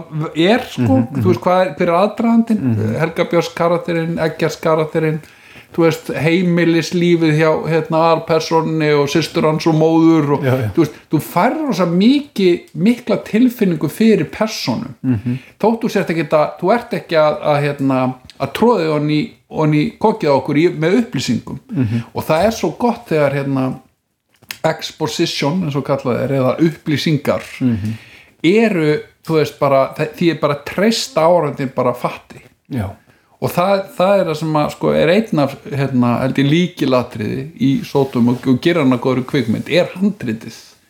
Veist, hérna, þetta með leikaravinninu partur af því að það er veist, þetta er solid handrit skilur, þú veist, það er ekki hérna uh, þú veist, mér finnst ekki vera svona fyrstu myndabragur af því, skilur, mér finnst það vera bara nokkuð solid, svona handritslega. Það, það er sko það þótti samt ekkert solid sko uh, þetta sem þú talar um sko að, að, að það eru þarna núansar sem að koma með performansi og karakterum Mhm. Það er ekkert svo mikið endilega í handriti. Nei, það er í, í leikaravinninu og það er eitthvað þegar leikarinn búið að taka manni völdin og, og, en, en og á karakterin ég tel það vera sko ég, ég, ég hérna, það, mér finnst það vera partur af handritsvinnunni sko. Jú. af því að ég ger ekki, persónulega ger ég ekki mikinn greinamun á að setja og skrifa eða vinna svo í handritinu með leikurum að þróa. Mér finnst það vera, þetta er bara partur af ferlinu skilur, þetta bara allt er handrit þangað til þú byrjar í tökum sko, og jável eftir það sko. Já, jável eftir það. En, en, en já, eins og vorum að tala um áðan það er mjög gott þegar að, veist, það þarf ekki að gera drastiska breytingar á tökustöð en, en, en sko talandi um svona þróunar helviti sko, þá, þá getur það verið vegna þess að þegar að uh, fólk kemur að handritaráðgjöf og þess áttar að þá uh, sér það þetta ekki. Mm það sér ekki sveigrúmið sem er þarna fyrir þessa vinnu sem á eftir eiga sér stað Já. frá því að handritið er stimplað gjaldgengt -hmm. yfir í um, upptökur og frumsýningu Þú veist, það, það er svo mikið sem á eftir að gerast og, og það eru þessi núansar sem eiga eftir eiga sér stað og ef að fólk hefur sannað að það getur það þá þarf sko að taka það með í reikningin en það er, það er ekki leng, það er ekki gert sko sagt, eh, sjóðakerfi við tölum bara um kvikmyndasjóðin að hérna, þú veist, nú ég hef gert kvikmyndir sem að voru ekki með handriti handriti í hefðbundum skilningi sem sagt ekki, þú veist, útskrifaður leikteksti 90 til 120 blaðsjöður, heldur bara atriðalýsingar, skilur með framvindu og personum, skilur þú veist upp á kannski 25 blaðsjöður sem það bönnum og fóröldurum og ég reynda að sækja um styrki á það á sínum tíma þú veist þarna early 2000 og eitthvað. En mér bara neitað á sko technicalities, mér neitað á grundvöldu þess að þetta væri ekki handrit. Já, því að fyrst seg- ekki blaðsvífjöldan ég segi bara, þetta er handrit það er bara engin leikteksti að því að leik, vinnuaðferðin krefst þess að leiktekstin verði til fyrir fram á kameru, þetta er leiktekstin er spunni eftir mikla karaktervinnu, margara ára karaktervinnu milli mín og leikarana til, verða til kvikmyndir. En ég fekk ekki styrka því að fyllt ekki upp í skapalónið sem Já. að sjóðurinn er. Já. og þetta nákvæmlega eins og þú segir þú veist, það, það hérna það gerir svo mikið í ferlinu ef þú hefur áhuga á því að vinna þannig Já. af því það er ekkit mjög margir sem hafa áhuga að vinna þannig. Nei, nei, ég veit að það er til en sífellt fleiri samt Já, fleiri alltaf, en, en það eru ótrúlega margir kollegar sem að skipa svolítið þessu undirbúningsferli og mér finnst það blóðugt og mér finnst það bara augljóst þegar maður sér verkin. Um, en það fyrir mér er það substansin sko, þú veist auðvitað er handritið kjarnin en, en sko kjötið er er, í þessu ferli, er í þessu undirbúningsferli æfingaferli og já, En sko talandi um um, uh, talandi um þessa hluti sko þá þegar ég rifja upp samt sko sótómu ferlið allt saman þá sko þá var maður miklu meira kontrólfrík þá heldur en maður er í dag. Já, sko í dag elska ég að vinna með fólki á öllum levelum skilur, á öllum, öllum framkvæð listrannu aðilum sem koma að verkinu. Í, í sambandi við leikmynd og myndatöku og, og, og búninga og, og, og tónlist og, og hljóð allt þetta, klippingu. Um, ég úst, ég held, ég veit það ekki ég held ég hef, haf, haf ekki verið sérstaklega auðvöldur að vinna með þarna í þá daga sko, úst, eða úst, ég hugsa að ég hafi verið úst, miklu stjórnsamari heldur en heldur en mér finnst vera æskilegt í dag. Mhm, því í dag finnst mér uh, miklu heillavænlegra að uh, að leifa fólkinu sem að kann hlutina að, að, að gera þá. Þú veist, eins og samfættu myndatöku bara, þú veist, ég elska það þegar að uh, myndatökumæðurinn tekur að mér völdin veist, og ég er kannski búin að hugsa ykkur að senu einhvern veginn en, en við komum til að segja bara en við gerum þetta svona svona og ég bara alltaf segi ég, já, frábært þú veist, bara ég elska það þegar fólk þá er fólk búið að gera skilur. það er búið að pæli þessu skilur. það, og sama með uh, búninga þegar, þegar uh, búningamanniska kemur á óvart sko. Kemur með eitthvað sem ég veist, hefði aldrei látið mér þetta í hug. En uh, það er kannski þá uh, hérna þetta með þú veist hérna hlutverk leikstjóran sem eitt að hérna uh, sko sko hvað er mikilvægasti hérna, þú veist, hvert er, er, hvert er mikilvægasta hlutverk hans? Ég myndi segja sko að stærsta sem að stærstu ákvarðanar sem þú tekur eða sem sagt mesta leikstjórn leikstjórnin sem þú fremur í verki og, og ég nota orðið leikstjórn yfir bara alla verkþættina skilur að því að það er það sem við gerum við gerum meira heldur bara leikstýra leikurum. Er að velja rétta fólkið með sér. Og það er bæði fyrir framann vel og aftan vel. Ef þú velur rétta fólkið ekki, ekki endilega besta fólkið heldur rétta fólkið að þá og treystir því til að vinna vinnuna sína veist, og, og það hafi jafn mikið um hlutin að segja innan síns uh, sviðs og, og, og, og þú hefur skoðunar á því. Að þegar einmitt sko eins og þú lýsir þegar, þegar leikarinn hleypur á stað með karakterin sinn og veit meira heldur en þú og þú veist hann í örgum höndum að samaskapi þegar þú finnur að kvikmyndatökumæðurinn eftir náttúrulega bara það upplegg sem að, sem að er í verkinu sem að bara mynd frásögnum hver, hver er stílinn á myndin og tónin og allt það sem að þeir eru búin að undir, undirbúa löngu áður. Það er náttúrulega líkillin Það er bara búið að undirbúa sko. það Já. og ræða það. Og þú ert búin að vinna þá vinnu líka með öðrum listarum stjórnundum búningahönnuði, gerfahönnuði leikmyndahönnuði og hvað það nú er. Já, að, að hérna, ef að þú ert búin að, að hérna, velja rétta fólkið þú er búin að eiga samtalið við það mm. -hmm. og, og, hérna, og koma þinni sín til skila hvers Mhm. konar verk þú vilt gera og hvernig þú sér það fyrir þér bæði tótn og stemming og, og bara hvað það nú er Mhm. -hmm. útlitt og, og, hérna, og, og, og tempo og allir þessi hluti sem að gera verk og ert búin að skrifa handrit eða vinna handrit með einhverjum ef allir vita hvað þú vilt eða hvað þú sér fyrir þér í grunninn og fá svo frelsi til að fara á stað og, og hérna, skilja verkið skilja ásetningðin að þá þá finnst mér, líður mér eins og ég hef unni heima mína, mína vinnu. Þegar fólk er sko, ef með leikmyndahönnur kemur og segir, hérna, já, ég veit þú talaður um að að hafa þetta í frontinu með svona skilti á búðinni en ég, hérna, ég held að vera flottara að já, það finnst mér alltaf og ég segi sjálfnast nei við Nei, neinu svona Já. að þá veit ég bara að fólki er að vinna er búið að pæla Já. skilur og er að reyna að útfara e- á eins bestan hátt og það getur Já. til að gera verkið betra. Þetta eru fagmenn í, á sínu svið sem að, eh, hafa bara miklu meiri möguleika á því að, að, að diffka já, þessa hluti, en ég hef lent í því að eiga svona samtöl með DOP sem að síðan sko á tökustafnum bara breyttist í allt annan karakter. Já, ok. Þar var bara ekkert eh, samtali í gangi og allt sem við höfum rætt var eh, gleymt.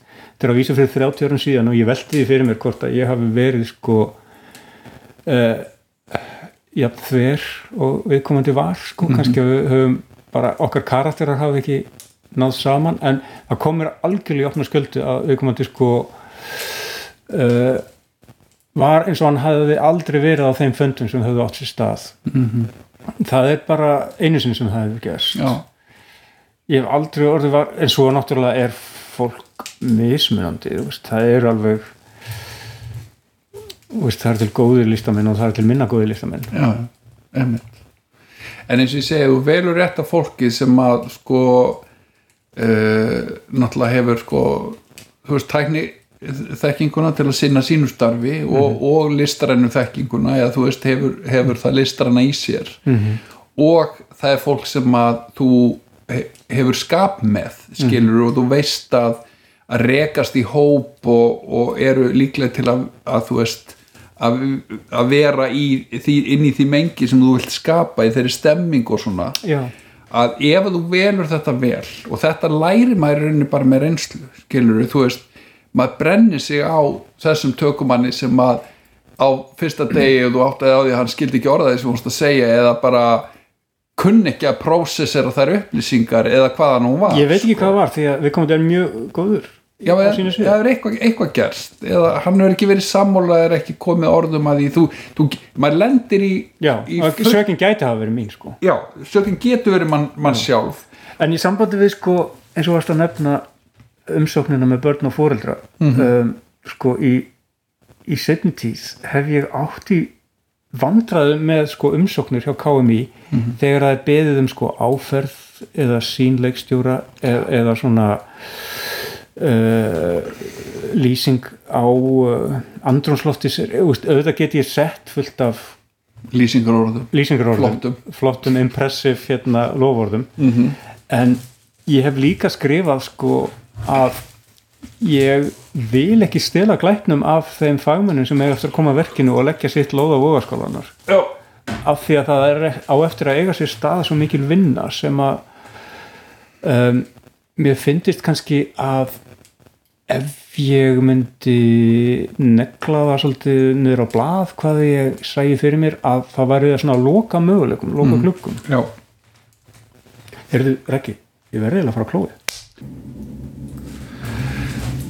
já hlustendur mis, mistu að pissu, pásu og hátæðismat en nú er búið að kveikja upp í kaminunni hérna, ég er að velta fyrir mér Óskar sko svona í öllu þessu ferli þú veist, hérna í, við, í kvikmyndagerinni í leik, sem leikstjóri hvar svona líðu þið best? Hvað hva, hva hefur þið mest gaman af af svona, þú veist, verkþáttunum? Þú veist þetta er náttúrulega mjög svona þetta er langur tími og skiptist í svona þessi hefbunnu, þú veist, handrit, undirbúningur, tökur, frágangur, skilur og dreifing náttúrulega líka, en hvar svona hvar, hvar færið mest að kikki, hvar líður þið best? Um, Sko, upptökurnar eru ógeðslega skemmtilegu tími en líka erfiður tími og, og, og getur verið tættur tími. Lítið um svefn og, og maður er langt þreyttur þannig að það er sá tími sem sko er hvað erfiðast að bera saman við allt annað í ferlinu. En sko ég hef oft pælt í þessu sem þú ert að spyrja um og ég held ég verið að segja handrit. Það er þar sem er líður best í þeim pælingum og þá sérstaklega í samstarfi með góðu fólki. Um, það er bara einhvern veginn mikið vattur unni til sjáar síðan að maður vildi gera þetta einhvern veginn allt einn. Já, og mér hefur fundist sko í handrits samstarfi þá getur orðið eitthvað sem er miklu stærra heldur en einstaklingurinn. Mhm. og líka bara samtalið þegar fólk er brainstorma saman þá þá eskalerast hlutinir mjög hratt. Og maður nær að uh, smegja sér fram hjá svona grifjum sem maður hefði örgulega dottið í einn Mhm. það er bara einhver í herbygginu sem segir ah, nei, það, það gengur ekki. Út af bla bla bla. Og stundum bara því að einhver er búin að sjá þú veist, mynd sem að var fremsýnd í síðustu viku, nei, það er búið að einmitt, einmitt, einmitt. var í verki sem að já, bla bla bla. Um, en ég man mjög oft eftir þessu mómenti sem við tölum um áðan þegar að ég satt ykkur á nóttina og skrifaði Oxma-planetuna Mhm. það er bara móment sem að ég endur upplifi aftur og aftur Já. bara sitjandi yfir skriftum tíminn flýgur þannig að maður tekur ekki eftir honum og, og maður fer alveg inn í hennan heim sem maður er að vi- vinna með Mhm. uh, og um, kannski eins og uh, margir myndlistamenn Mhm. þá er ég dóttill innfari Mhm. veist ég byrja í myndlistinni og, og ég þekki marga myndlistamenn og þeir eru mjög margir bara þannig að þeir eru svolítið bara líður vel í sínu stúdíói út af fyrir sig. Mhm. sömulegis líður mér vel bara hérna fyrir vestan sko, með handrit í vinslu og uh, en auðvitað er það ekki nóg. Nei, veist maður. Maður myndi ekki kæra sig um að skrifa bara og skrifa fyrir Nei. skúfuna nei þetta er bara svona hluti af ferlinu sem finnst mjög gefandi og ánægilegur Já, er, er það hugsanlega sko að því að svona er frumsköpunin fer náttúrulega fram þar sko, þar, þar þú veist, er, er grunnvinnan lögð sko eða, eða svona undirstaðan mögulega, og þar fær maður hugmyndinar mesta og frelsið. það er mesta frelsið og minnsta pressan kannski. Oft er pressa. En minni heldur en í tökum já. svo finnst mér sko reyndar klippiferðlu ekki minna kreatíft. En það er á allt, allt öðrum forsendum. En að vinna með virkilega góðum klippara það gefur manni sko sjónarhátt sem maður hafði ekki séð fyrir og, og, og mér finnst bara æðislegt þegar klippari tekur völdin og, og kemur með eitthvað bara stokkar efninu upp og kemur með eitthvað alveg nýtt. Um, og mér finnst alltaf gaman að experimenta með klipp Já, prófa hrókera senum og, og hrókera setningum og hrókera hlutum og henda út efni. Það er eitthvað sem að maður gerir ekki sjálfur svo glatt sko nei. eftir blóðsveit og tár og tökustaf Hvernig vinnuru hérna klip? Hérna, sagt, hvernig nálgastu, ertu í klippiherbygginu frá fyrstu mínútu eða, þú veist, hvenar á hvaða stíi kemur inn og byrjar að vinna með klipparanum? sko það er algjörlega liðin tíða ég sé með frá fyrstu mínútu það er bara um, ég hef pínulítið líka svolítið byggt upp eitthvað ákveðu óþól gagvart klippi herbyggjum Mm -hmm. um, ég reyna að hafa tíman í stuttan og mögulega gett þar henni Mhm. vil frekar sko svona framan af í klippiferlinu fá bara sendt grófklipp þegar að klipparinn er uh, tilbúin Mhm. og ég vil að klipparinn taki bara fyrsta, fyrstu atriðinu algjörlega án mín það er bara handritið á, á borðinu og Það er bara, sko, ég, ég hef, hef aldrei almennilega skilið leikstjóra sem að hérna, er inn í klippiherbyggju frá fyrstu mínútu.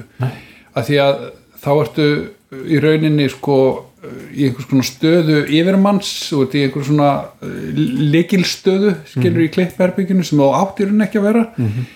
Sko, ef þú velur góðan klippara með þér í verkið eitthvað einstakling sem, að, sem er góður klippari og þú tristir fyrir efninu og, og, og ert í rauninni að, að byggja um þann listamann að Já. taka þátt í verkinu með þér já, að þá, þá sko er algjört líkil atriði að viðkomandi hafi tíma til að kynna stefninu skoða allt efnið klippa svona fyrstu drög að minnsta kosti eða svona fyrsta, fyrstu samsetningu af því eða fyrsta klipp og svona mynda sér sína skoðun á hvað betur megi fara og annars líkt áður en leikstjórin kemur af því að þá verður það að sko samtal tvekja listamanna eða tve- tvekja jafningja sem eitthvað sprettur af sko.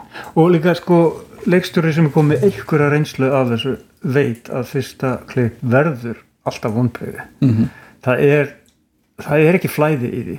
Nei, það er mjög hrátt og það högtir á Mm. mjög mörgum stöðum.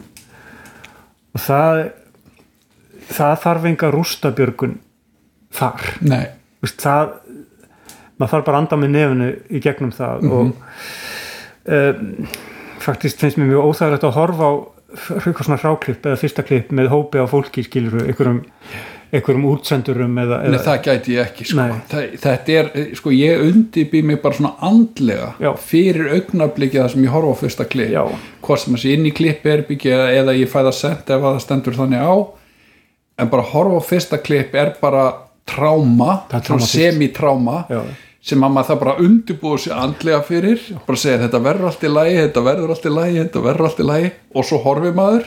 Nei, þetta verður ekki lægi og hérna og þú veist, sem betur fer þú veist, hérna, þú veist hérna, ef maður vinnur með góðum klippara þá, þá mjög fljótlega segir hann eða hún sko, þú veist, herðu, ég er að pæli þetta, þetta virkar og þú veist, sem maður náttúrulega bara þá fer maður bara inn í það samtal sem er í rauninni þá hefst klippi vinnan mm sem sagt samstarf leikstjórnans og klipparans sko. Já, ég þekki samt svo mikið þessa örvæntingu eftir að hafa séð fyrsta klipp. Já, ég, ég, ég hef bara stundum bara grátið nánast sko. Já, ég hendi einni mynd í skólanum. Af því að uh, fyrsta klipp var svo vond ég bara áttaði mikið á því að það væri hægt að gera í hendinni, ég hún var aldrei klárið sko. mm Mhm. Vist, alveg nokkra daga tökur og allt en uh, ég veit að núna ég hefði örgulega getað klift hann í decent mynd sko. er eitthvað svona talandum um samstagsfólk sko og svona kannski listrannar stjórnundur eða, eða framleiðendur eða sem að svona þú veist, eitthvað svona farsælt sérstaklega farsælt samstarf sem þú manst eftir sem að svona, þú veist hérna, Já, sko Elisabeth Rónalds og, og Valdís Óskars já, hafa báðar komið að fleirin einu verki og, og það eru mjög ólíkar. Mhm, en þær hafa báðar þetta sko gríðarlega frumkvæði. Mhm. Og uh, báðar eru þar faktist þannig innrættaðar að ég held þær lesi valla handritið ég held að það sé líka bara ágætt. Já, það, það er bara að sjá hvaða efni eru við með höndunum. Já, ég, Valdís, ég, hef unni, ég var vísa ekki unni með Elisabethu sko en ég unni mikið með Valdísi. Já. og hún hefur bara sagt við mig að hún læsi ekki handritið sko, þú veist, og mér finnst það bara frábært af því að maður er alltaf að gera þrjár mynd eða þú veist, þetta eru svona þrjú stigu mynd handritið og tökurnar og svo klipping og frágangur og hljóð og svona. Já, það er þetta þriðastig að því að þú veist, það, maður hefur tendens til að læsa sig í einhverja hluti -hmm. sem maður verður ástfangin af. Kannski er það hugmyndin sem kemur, þú veist, talandi um að, að fá hugljómunna og, og, og gæsa húðina þar sem maður situr afskekt og, og skrifar. -hmm. og svo tekur maður það atrið upp en svo er það kannski komið inn í klippiherbyggi og þá hefur eitthvað gerst. Já, já, þá er líka bara veist, að halda opnum þessum möguleika sem liggur í efninu Já, og þá er kannski eitthvað sem þú helst að væri mikilvægast er ekki lengur endilega mikilvægast Nákvæmlega. En, en sko eh, já, það er svolítið snúið þegar maður fyrir að telja upp nöfn vegna þess að mm veist, það er er fullt af nöfnum sem er ekki að telja upp en Já, ég vunni líka mikið með Guðuna Hilmar í Haldósinni og, en það er bara á öðrum forsendum því að það hefur verið meira í þessum serjum mhm. Og uh, þar sem vinnursaðin þarf að vera mikill mhm. og uh, oft tíðum þá er þetta sketsar og svona stittræfni sem að um, það sem bara er ekki eins og mikið svigrum og hefur verið í kvikmyndunum. Nei, tíminn er annar. Tíminn er annar sko en uh, mér hefur líka mjög vel að vinna með honum sko. Já, ég unni með Gunnar líka ég, ég, ég var fyrsti mann til ráðan í vinnu já, ok, já, Það er nú löng og önnur saga og skemmtilega en hérna uh, talandi um það sko, hérna sjónvarp versus kvikmyndir. Nú hefur þú veist unnið svona að jöfnum höndum daldið í kvikmyndum og sjónvarpi og ég ífi meir í sjónvarpi Já, ég held að sem meiri í sjónvarpi. ekki eins, þú veist, og þá er ekki að telja mínúturnar sko, ég er bara að tala um svona fjöldi verka sko. Jú. að hérna, þú veist, þú gert þú veist, ég menna, náttúrulega svarta engla pressu, stelpunar svínasúpuna, fósbræður limbo, mikið af svona sketsaþáttum til að byrja með, svona áður en að hvað við segja, íslenska sjómasvorið hófst sem að, sem að það sem við fórum að gera svona meira af, af svona narratífum serjum, sko. Já, já. hérna var eitthvað sérstök ástæða fyrir þessu? Eða þú veist, hva, hva, hvernig kemur þetta til, er þetta svona eitt leiðar á öðru eða? Sko ég ef, ef ég þarf að hugsa svona, spóla svona langt aftur Mhm. þú veist, alveg fyrir limbo og það þá er það uh, bara einlegur áhuga að vinna í sjónvarpi Mhm. að, þú veist, sjónvarp býður upp á gríðarlega mikla möguleika Já. og í þá daga var ákveðin sko bara hróki og blindagakvar því Mhm. í bransanum og er einmir af henni ögn en þá Já, ég held að sé nú að verða búið sko það hlýtur að vera en sko sjónvarp sko þó að sjónvarp sé því marki brent að það þarf ofta að vera meiri vinnufæði á upptökum og eftirvinnslu. Hérna á Íslandi sko. Já, þess, þetta er samt að breytast já já sko. þetta er náttúrulega að breytast til barna vinnurhraðin er sko, þú veist, ég man náttúrulega, ég tók við tveimur serjum af þér sko á sínum tíma fósbræðurum og stelpunum eitthvað sem að þú varst búin að gera. Já. Og hérna, þú veist, þetta er náttúrulega svona sketsað eftir það sem maður var kannski að taka þú veist, tíu blaðsíður og myndefni á dag sem er tíu myndur af efni nánast, sko. svakalega mikið. Og þetta held áfram hjá mér sem ég fór að gera sko vaktaseríunar þá var maður ennþá í þessum hraða sko, veist, þetta er góðu skóli. 11 mínútur eitthvað. Já. Þetta er alveg fýtt skóli, maður lærir ímislegt af þessu og, og hérna en í dag held ég svona að að sko tíminn á svona, hann, hann er orðið nær bíómyndinni, þetta er orðið svona fimm blaðsíður Já. kannski mér finnst það mjög heilbrygt það er alveg helbritt, það er aðeins meir hraðin í kvikmyndum Já. en oft á tíðum þá eru tvær kamerur þá og, og hérna, þú veist þannig að það er svona jafnast pínu út sko. Já. Það er aldrei kunst að vinna með tveimur kamerum samt. Uh, stundum stundum sparaða tíma stundum, stundum býrða til vissum ef maður leggur upp með að sko sem filosófínu sko þetta, að það er ráðandi vél já. og er möguleik að koma upp annari ef það, ef það riðlar því sem að aðalvélin er að gera þá betra að sleppa því en mér finnst það að vera ágætt regla sko að hérna, hugsa þetta á einni vél Mhm. -hmm. og ef þú kemur annari fyrir þú veist að þá gerur það Já. ef hún hefur ekki áhrif á, á hitt mjög mikið sko. stundum er farið að kompromæsa bæði skotin. Já þá ertu fann að kompróma bæði sko. stundum er það gert. Og stundum ef þetta á að vera tímaspatnuður þá er farin sko jafn mikil tími í að diskutera hvað kamera B getur gert já, uh, og hefði sparast sko já, til að byrja með. Já, en þetta held ég sé líka æfing uh, þegar þú ferð að vinna á tvær ég tók mér langan tíma, heila seríu þú veist, að, að læra það sko. Já. en svona þegar maður var búin að þú veist, og þetta var í nætuvættinu svo í dagvættinu og hjælt það áfram. En það var sama krú, mm -hmm. sömu tökumenn tveir, Átni og Besti Átni Fíl og, Besti Björgúls. Og hérna, þannig að þú veist það var komin þú veist, færni á Já, það sko. já. þannig að það var, það var miklu öðeldar og gekk hraðar Já, sko þannig að en svona persónlega þá, þá hérna þá er þetta eina auga sem að sem að maður vill sko þú veist bara Já. vélinn sko augað mér finnst fínt að vinna á tveimur. Já, ég myndi alveg þykja það sko alltaf, er það? Já. Já, af því að það getur líka bara upp á continuity og svona, það getur verið Mhm. bara örugara ég ger náttúrulega og bönnum og fórhundum var alltaf tvær, þá var náttúrulega sömu þessi tveir tökumenn, er náttúrulega undan ættu ættinni, mér sé átni og besti. Og það hérna þar var náttúrulega ekki leiktexti þannig að eh, hlutinir eruðu til fyrir frá að dálítið, já, þannig að það var rosa gott að vera með tvær sko. Já upp á að geta klifta saman.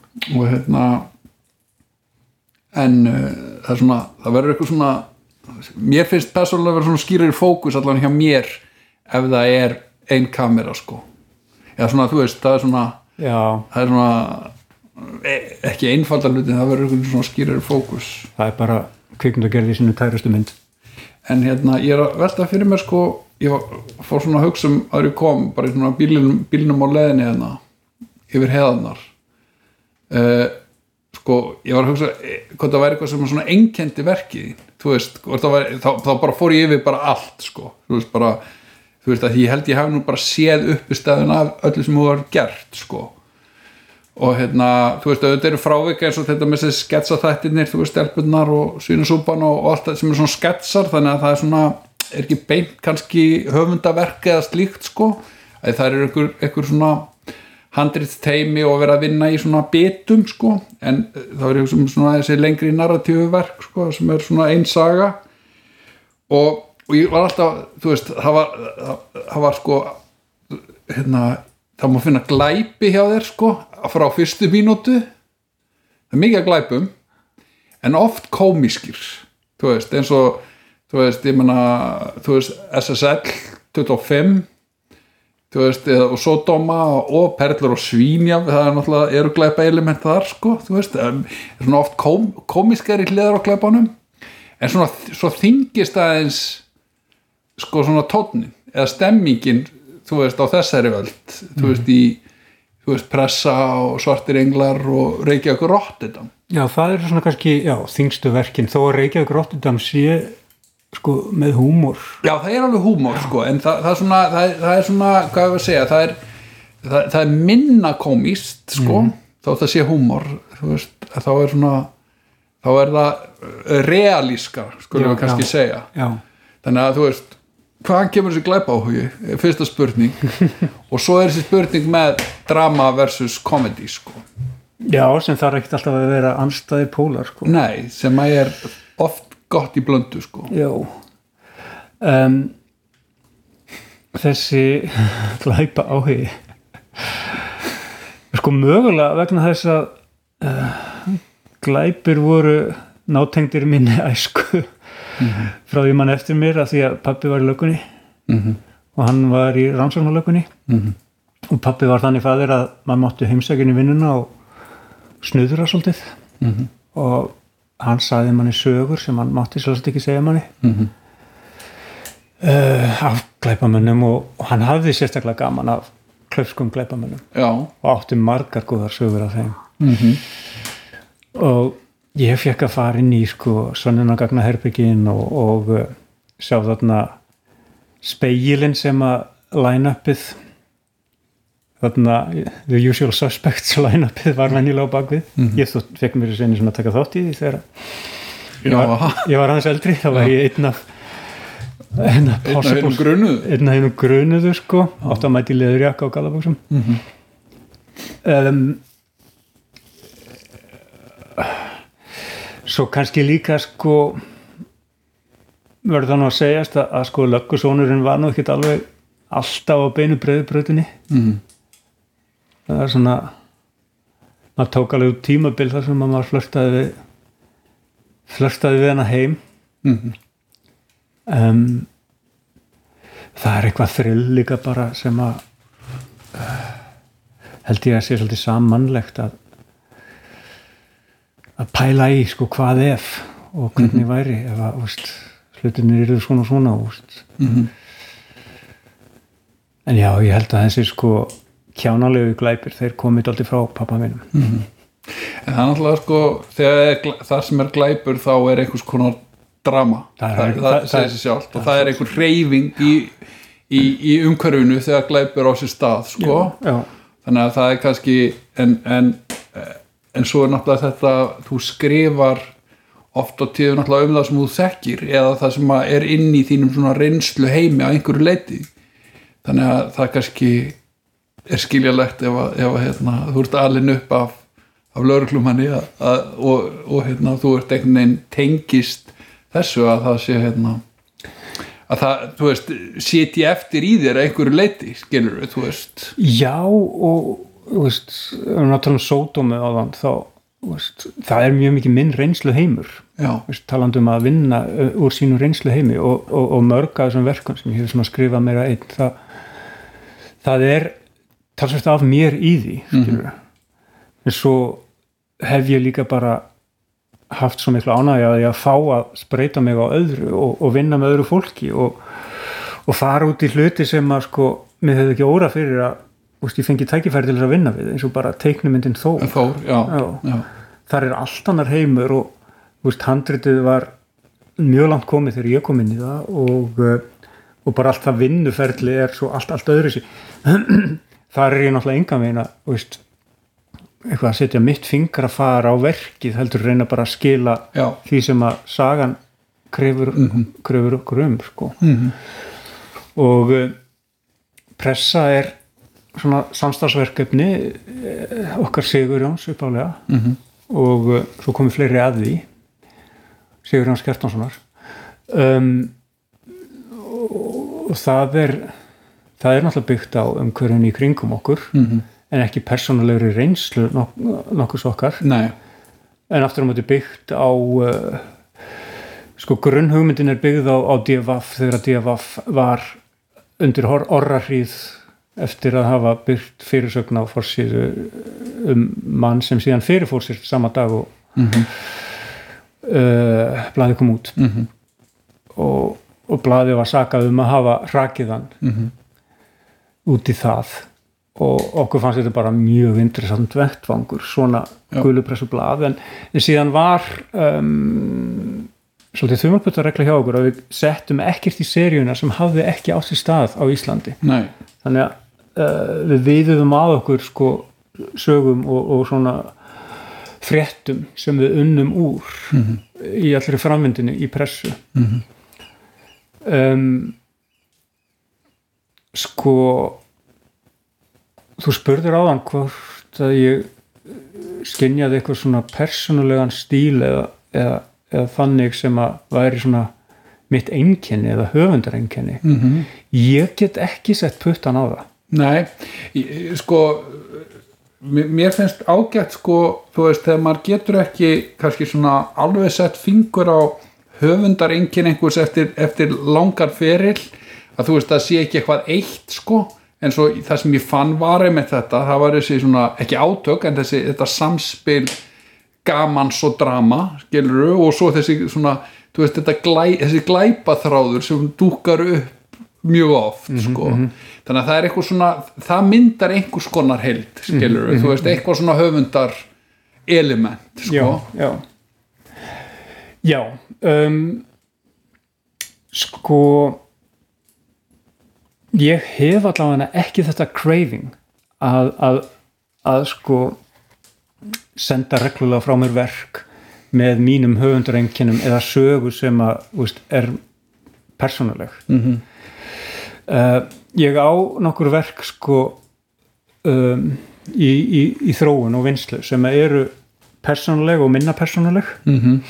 sem að uh, já, eru bara á, á ákveðinu ferli og vonandi fá bara að líta dagsins ljós Mhm. en til dæmis um daginn fekk ég verkefni sem að var uh, svolítið svona skemmtileg svona himnasendingur óvandri átt. Það voru svona sviðsetningar fyrir breska heimildamyndum geirfinnsmálið. Já, emitt Out of Thin Air. Mm um, sem að var algjörlega lust við húmor. -hmm. Þú veist, það er eins, eins þungt og dramatíst og hugsaðst getur. Mm en á hinbóin var það persónulegt vegna þess að pappi vann í þessu máli. Já, og hann var sko hann kom að þessu máli þegar að það var komið í uh, kaldakól mm rannsóknin var bara skelfileg uh, fyrstu mánuðina og eiginlega fyrstu tvö árin. Já. og síðan var kallaður til þýskur sérfræðingur uh, Karl Schulz Mhm. til þess að leysa það í gæsalöpum. Já, og hann kallaði allar hendur á dekk hann fekk eitthvað tólmanna teimi og pappi var einn af þeim og hann, hún var útlættuð að Sævar Síselski sem að hann yfirheyrði reglulega og þeir voru bara með sinn aðila, hver með sinn aðila. Mhm. og pappi náði sérstökur sambandi við Sævar. Já, og eins og fyrir daginn pappi var alveg mikið til að segja mér frá því sem að var að gerast svona innan samt skynnsennismarkaðana ég var náttúrulega ekki nema unglingur á þessum tíma. Já, en svo þegar ég um, fekk þetta verkefni þá gatt ég hérna, leið yfir sem er pappa og hann hafði gaman að ég að rífa þetta upp og, og, og ræða þetta og auk þess sko hafði ég bara persónulega reynslu af því að ég til dæmis fór með þeim í einhverja vettvangsferðir og aldrei með sagbórningunum en, en til dæmis með þessum Karl Schulz. Við fórum í einhverja ferðir út fyrir bæin og svona sem að pappi bara taldi að ég hefði haft eitthvað gagnið að gaman að fara í. Og þetta náttúrulega nýttist mér gríðarlega mikið í þessari vinnu. Já. og auk þess náttúrulega bara að hafa veist, upplifið þessa perjótu hérna á Íslandi og, og pælt mikið í þessu máli. Mhm. En þarna um, get ég ekki sagt að ég hafi verið einhvað meðvitaður um að reyna að koma að einhverju höfundar einkenni Nei, nei. En það partur kannski af svona starra verki eða sem sagt þetta var svona Akkúrat. svi- sviðsetningar innan heimildamyndar form sko. akkurat Já, einmitt.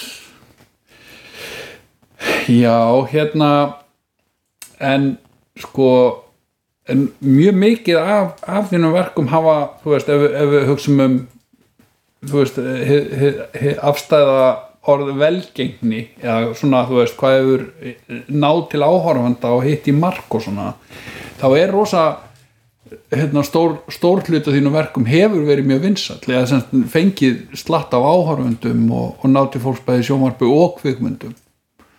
Uh, hversu meðvitaður ertu um um sko þú veist, hérna svona áhorfandan þegar þú ert að vinna þú veist, ertu þú veist, hugsar um að skemmta fólki eða, eða ertu fyrst og fremst að skemmta sjálfu þér og vona að, að hérna, að aðri munu skemmta sér líka?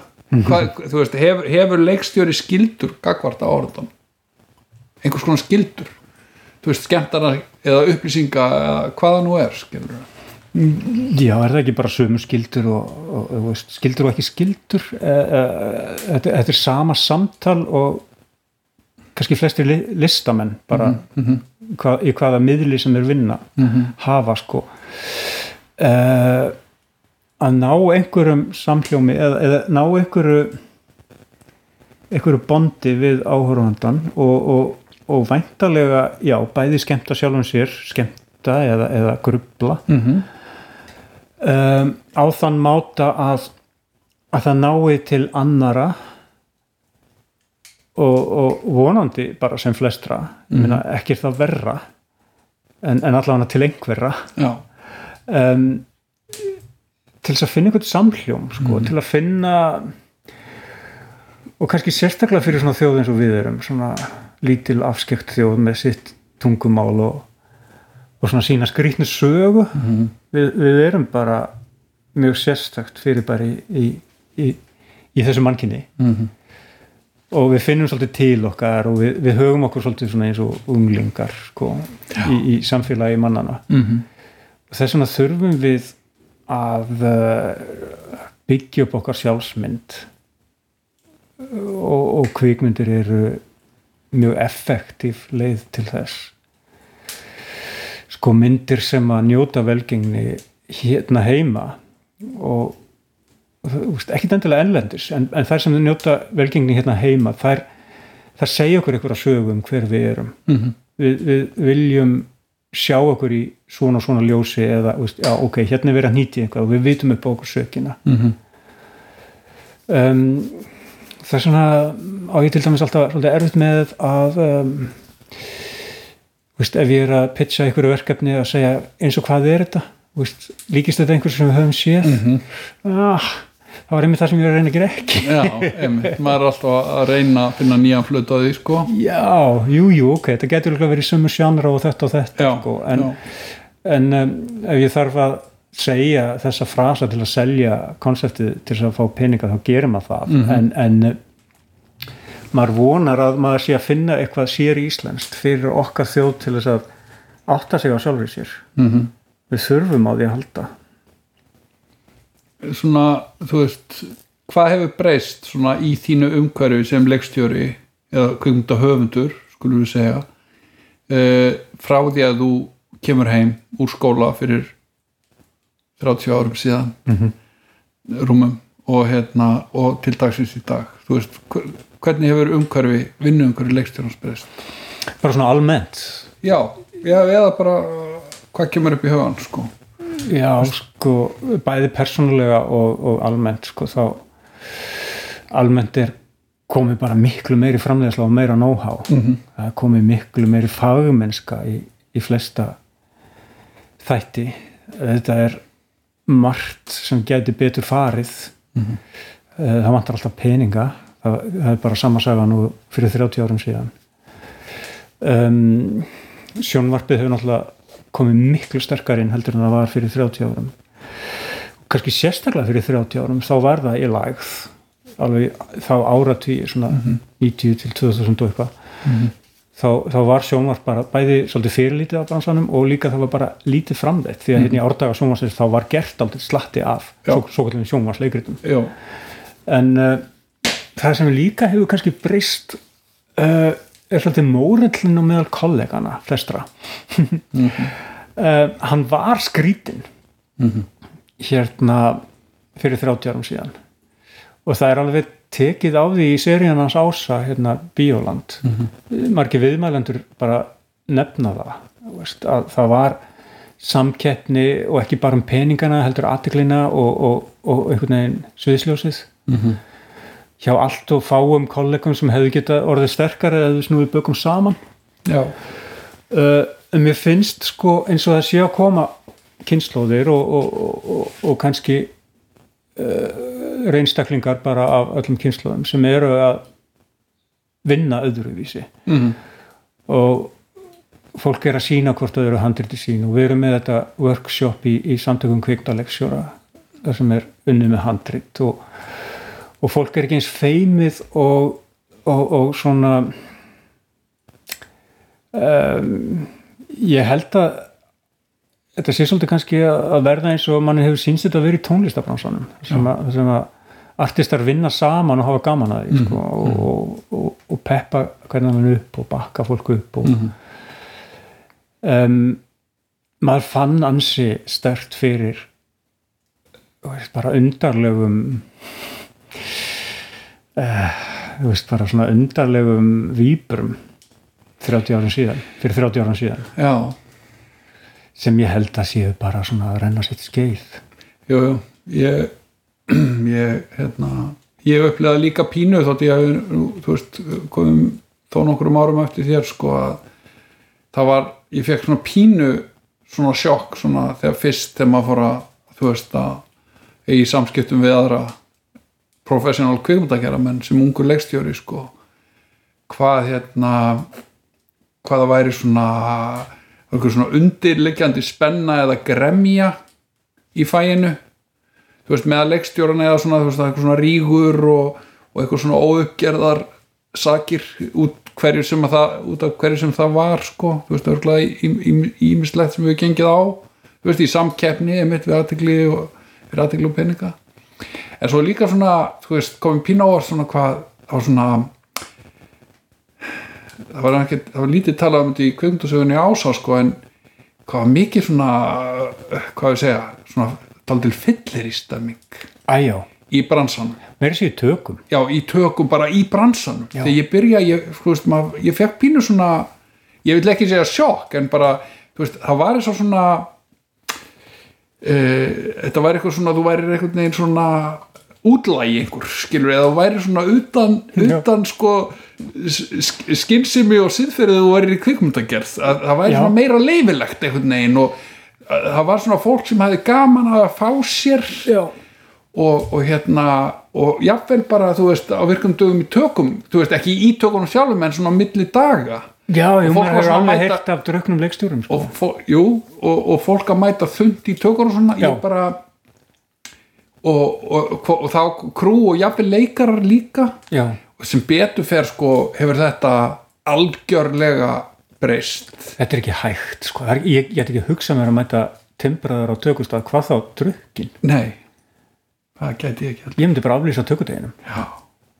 Ég held ég hafi einu sinni slýsast til að vera þunnur Já. í tökum. Það var bara eh, það var eitthvað breytt plani og ég fór, var að fara í brúðkaup og lögði og það var sett sundarstökur þetta var einhvern sketsaþætti. Já, og mætti svona vel riðgaður daginn eftir. Og það? það, gekk ekkert sérstaklega vel. Þú veist, þú ert í vannlíðan já, og ef þú ert í vannlíðan, ég menna hvað hva gott kemur af því eða þú veist hvernig þetta er að búa til eitthvað sem er jákvæmt og gott skilur. og líka bara, veist hérna, svo kemur dagur eftir þennan dag. Já, þú veist, þú ert þarna þunnur á sunnudegi en svo tökur alveg í 12 tíma mánudegi Jú, og þriðudegi og einmitt. Þú veist, og, og þegar að krúið er fara að orga á partí sko, -hmm. eftir kannski tvær, þrjár vikur af tökum ég er svona, ah getum við beðið eitthvað með það? Það er þessi tilneying sko og veist, í lók vikunar að, opna bjórkassa. Mm -hmm. mér finnst það bara ekkert svakalega góð hugmynd því að þú veist, þó að það sé kannski tveir frídagar já, þá það bara, þú veist, fólk þarf á þessum kvildatíma að halda. Já ég, ég sko munurinn er hérna, þú veist, það, það er svona það er ákveðin svona hefðir sem er til dæmis eh, þú veist, ef símir hingir að þá, þá viðkomandi sem að, þú veist, átti þann síma hann skuldar krú, Bjórkassa. krúinu bjór. Já, og svo er klappað á deildir sko, sem því það, þú veist, fyrir þá sem þekki ekki sko á einhverjum einhverju ákveðinu númeri sem kemur upp á klappsleiti eða á Já, sleiti, já. að þá er klappað á einhverja deild. Já, og svo deild þarf að koma með áfengi eða semst bjór á línuna. Í þannig að, lók vikunar það ekki? Jú, í lókvikunar skilur þá, það, er klappað á eina deild í viku eða eitthvað svona, þú veist að meðaltali þetta sko, þú veist hérna áður fyrr, þá, þá, þá sko fyrir 20 árum þá var fólk, sko beið fólk með spenningi eftir vikulókurum að það kemur bjórin sem var klappað á. Já, en í svona síðustu tveimur verkefnum sem ég hef verið í svona Já. síðustu ár uh, þrjú, svona síðustu þrjú, fjögur ár að þá bara er fólk ekki að opna bjórin heldur bara tekur hann með sér heim. Veist, þannig að það er ekki lengur þetta skilur að, að þú þú veist einhvern veginn að fá sér í vinnunni eða eftir vinnu. Þú veist, fólk er bara orðið miklu skinsamar og, og bara, og þetta held ég að tengist því að við erum lúksusin sem við kvikmyndalegstur eigum er sko að við erum í, vinnum í törnum í upptökum. Við erum kannski í tökum einu sinni ári annarkvort ári eitthvað svona kannski í tvo mánuði. Þannig að þú veist þú veist, við erum sko eitt tíunda tímanum sitjum við og skrifum með undirbúum og svo erum við tökum í, í, í hérna, einn mánuð eða tvo. Þannig að sko hitt, allt hitt fólki sem vinnur sko á gólfinu og þú veist, og listanum stjórnendur sem vinna mörg verkefni kannski á ári Þa, það, það náttúrulega, það er fólkið sem að stjórnar þessu dálítið. Já, og það er farið að fatta, þetta er orðin sagt, þetta er orðið stór bransi, mikið af fólki. Og það er engin það hefur engin úthald í hennan bransa. Allan hennan langa vinnutíma 12 tíma á dag og allt þetta mánuð eftir mánuð og að vera drekk í vinni ég held að þetta sem að eimdi af þegar maður var að byrja var að Íslensk kvikmyndagerð var með svona stó, stópult fyrirbæri. Já, það var var, svona- ekki svona partí þetta var ekki sko samfella. Þannig að þú oft þurftir að vinna kannski eitthvað annað heldur en í kvikmyndagerð sem þú hafi verið ljósamaður svo vannstu líka eitthvað þarna. Svo fóst í kvikmyndaverkefni þegar það gafst. En paldi í því samt að þetta var fólki sem var að veðsetja húsin sín og leggja allt undir. Já, að það mætir drukkið og tökur já, veist, það er bara fyllir í meðfram öllum tökunum. Já, ég hef einu sinni verið í verkefni þar sem að var helviti mikið fyllir í. Er ég að rifja upp núna þegar þú ert að lýsa þessu? Sko. en, en, en hérna það var ekki sko það var ekki kastið sko. Það var svínasúpan. Þetta var bara svolítið tjúllað. Það var var bara eitthvað böss í krúinu. Og ég tók alveg þátt í því. En það var náttúrulega veist, sketsa þættir eru kannski svolítið öðru að, að en þetta er nú samt svona 20 ár síðan þetta er sko, svínasúpan. Já. 2003 2003 já, já. Þetta hefur bara á síðustu 20 árum breyst aldrei mikið sko. Og, og til batnaðar sko. Já ég stið það indrið að mjög miklu leiti sko. Og ég held að, að hérna, þú veist, við erum aldrei skamt á veg komin með ímislegt sko, þú veist, en þetta er að þetta er svona að komast á mjög svona hvað ég segja, svona svona eðlilegan stað, skilur Já. við okkar umhverfi, þú veist. Þetta verður náttúrulega aldrei eðlilegt þetta er kvikmyndagerð en, en svona það er að mynda svona stemming fyrir einmitt sko bara þú veist að stytta vinnutíma þú veist að geta bara átt eðlilegt líf meðfram vinnu þú veist sem er bara algjört líkilatrið til að við lifum af. Og við höldum fólk í fæinu og hæfileikum í fæinu og reynslu og þekkingu og allir því sko. En, en þessi sko drikja þetta er svona uh, topic sem ég hef áhuga á. Þú veist, og, og ekki endilega sko þessi binge drikja sko sem að hefur verið í bransanum heldur bara þessi svo kallega hófdrykja uh, sem að er bara allstaðar og er um, í öllum brönsum þú veist, og hún er alltaf pökkuð inn í eitthvað svona kúltúr. Og uh, og, og veist, það er verið að fara í útilegu eða það var ég að fara í hestaferð eða það er verið að veist, horfa á leikin og bjóra á kantinum Mhm. Þú veist, það er verið að grilla og það er bjóra á kantinum Mhm. það er alltaf verið að finna upp einhverja kringust það sem er bjóra á kantinum og, og, og fyrir varir er sko kannski ef fólk tekur það saman þá er það að fá sér áfengi sko daglega Mhm. þetta held ég að sé sko drullu lúmst mikil drikja Mhm. og ég er sem sagt í ferli núna með seríu sem fjallar um þetta. Mhm. sem er langar til þess að uh, tækla þetta og opna þetta svolítið, sko, hvað hvað eru við veist, hvað eru við alltaf að ljúga að okkur að við þurfum bjóra á kantinum? Já, ég menna að þú veist hérna, já, ég er algjörlega samanlegaður að hérna, þú veist, þetta er lúmst og þetta er, þetta er dulbúið eða fóðrað sem eitthvað, skilur þú veist, eitthvað kultiverað þú veist, maður sem drekkur einn kassa af rauðvin á viku, skilur þú veist, sex flöskur eða hvað þetta er Mhm. uh, þú veist, en þetta er rauðvin og þetta er rándýrt rauðvin og, og þetta er mjög gott rauðvin og eitthvað svona Já, já. þessi maður, skilur þú veist, ef þú gerir þetta vik eftir viku, ár eftir ár Já. þetta er ekkit annað en þú veist, þetta er náttúrulega bara alkoholismi en þetta er falið sem þú veist, þetta er- ekki verið að drekka vodka eða binsa eða blind fullur allar daga hann setur ekki leysibói og drekkur landa einn með sjálfum sér. Og veist að og horfa á Netflix. En, en sem, sem er líka náttúrulega alkoholismi en, en þessi alkoholismi, hann, veist, það, það er svo mikil sjálfsblekking í hann Mhm. og, og, og fólk og ég, ég held að við séum ekkert verri en aðrar þjóðir sko. þetta er eiginlega verra í Danmörku Þískalandi, Frakla, veist, á, á meilandinu mm veist, þar er svona hátegistrykja mjög mm viðurkend Mhm. Og, og áfengi á hverju kvöldi sko. en um, ég held að þetta valdi miklu meiri skada heldur en uh, fólk átt að segja Mhm. í bara lífskeiðum Mhm. og fókus og, og, og þetta valdi þunglindi og, og, og, og alls konar kvillum Mhm. sem að fólk er að díla við já, þetta er svo falið já og þetta er svo, þetta er svo fínt.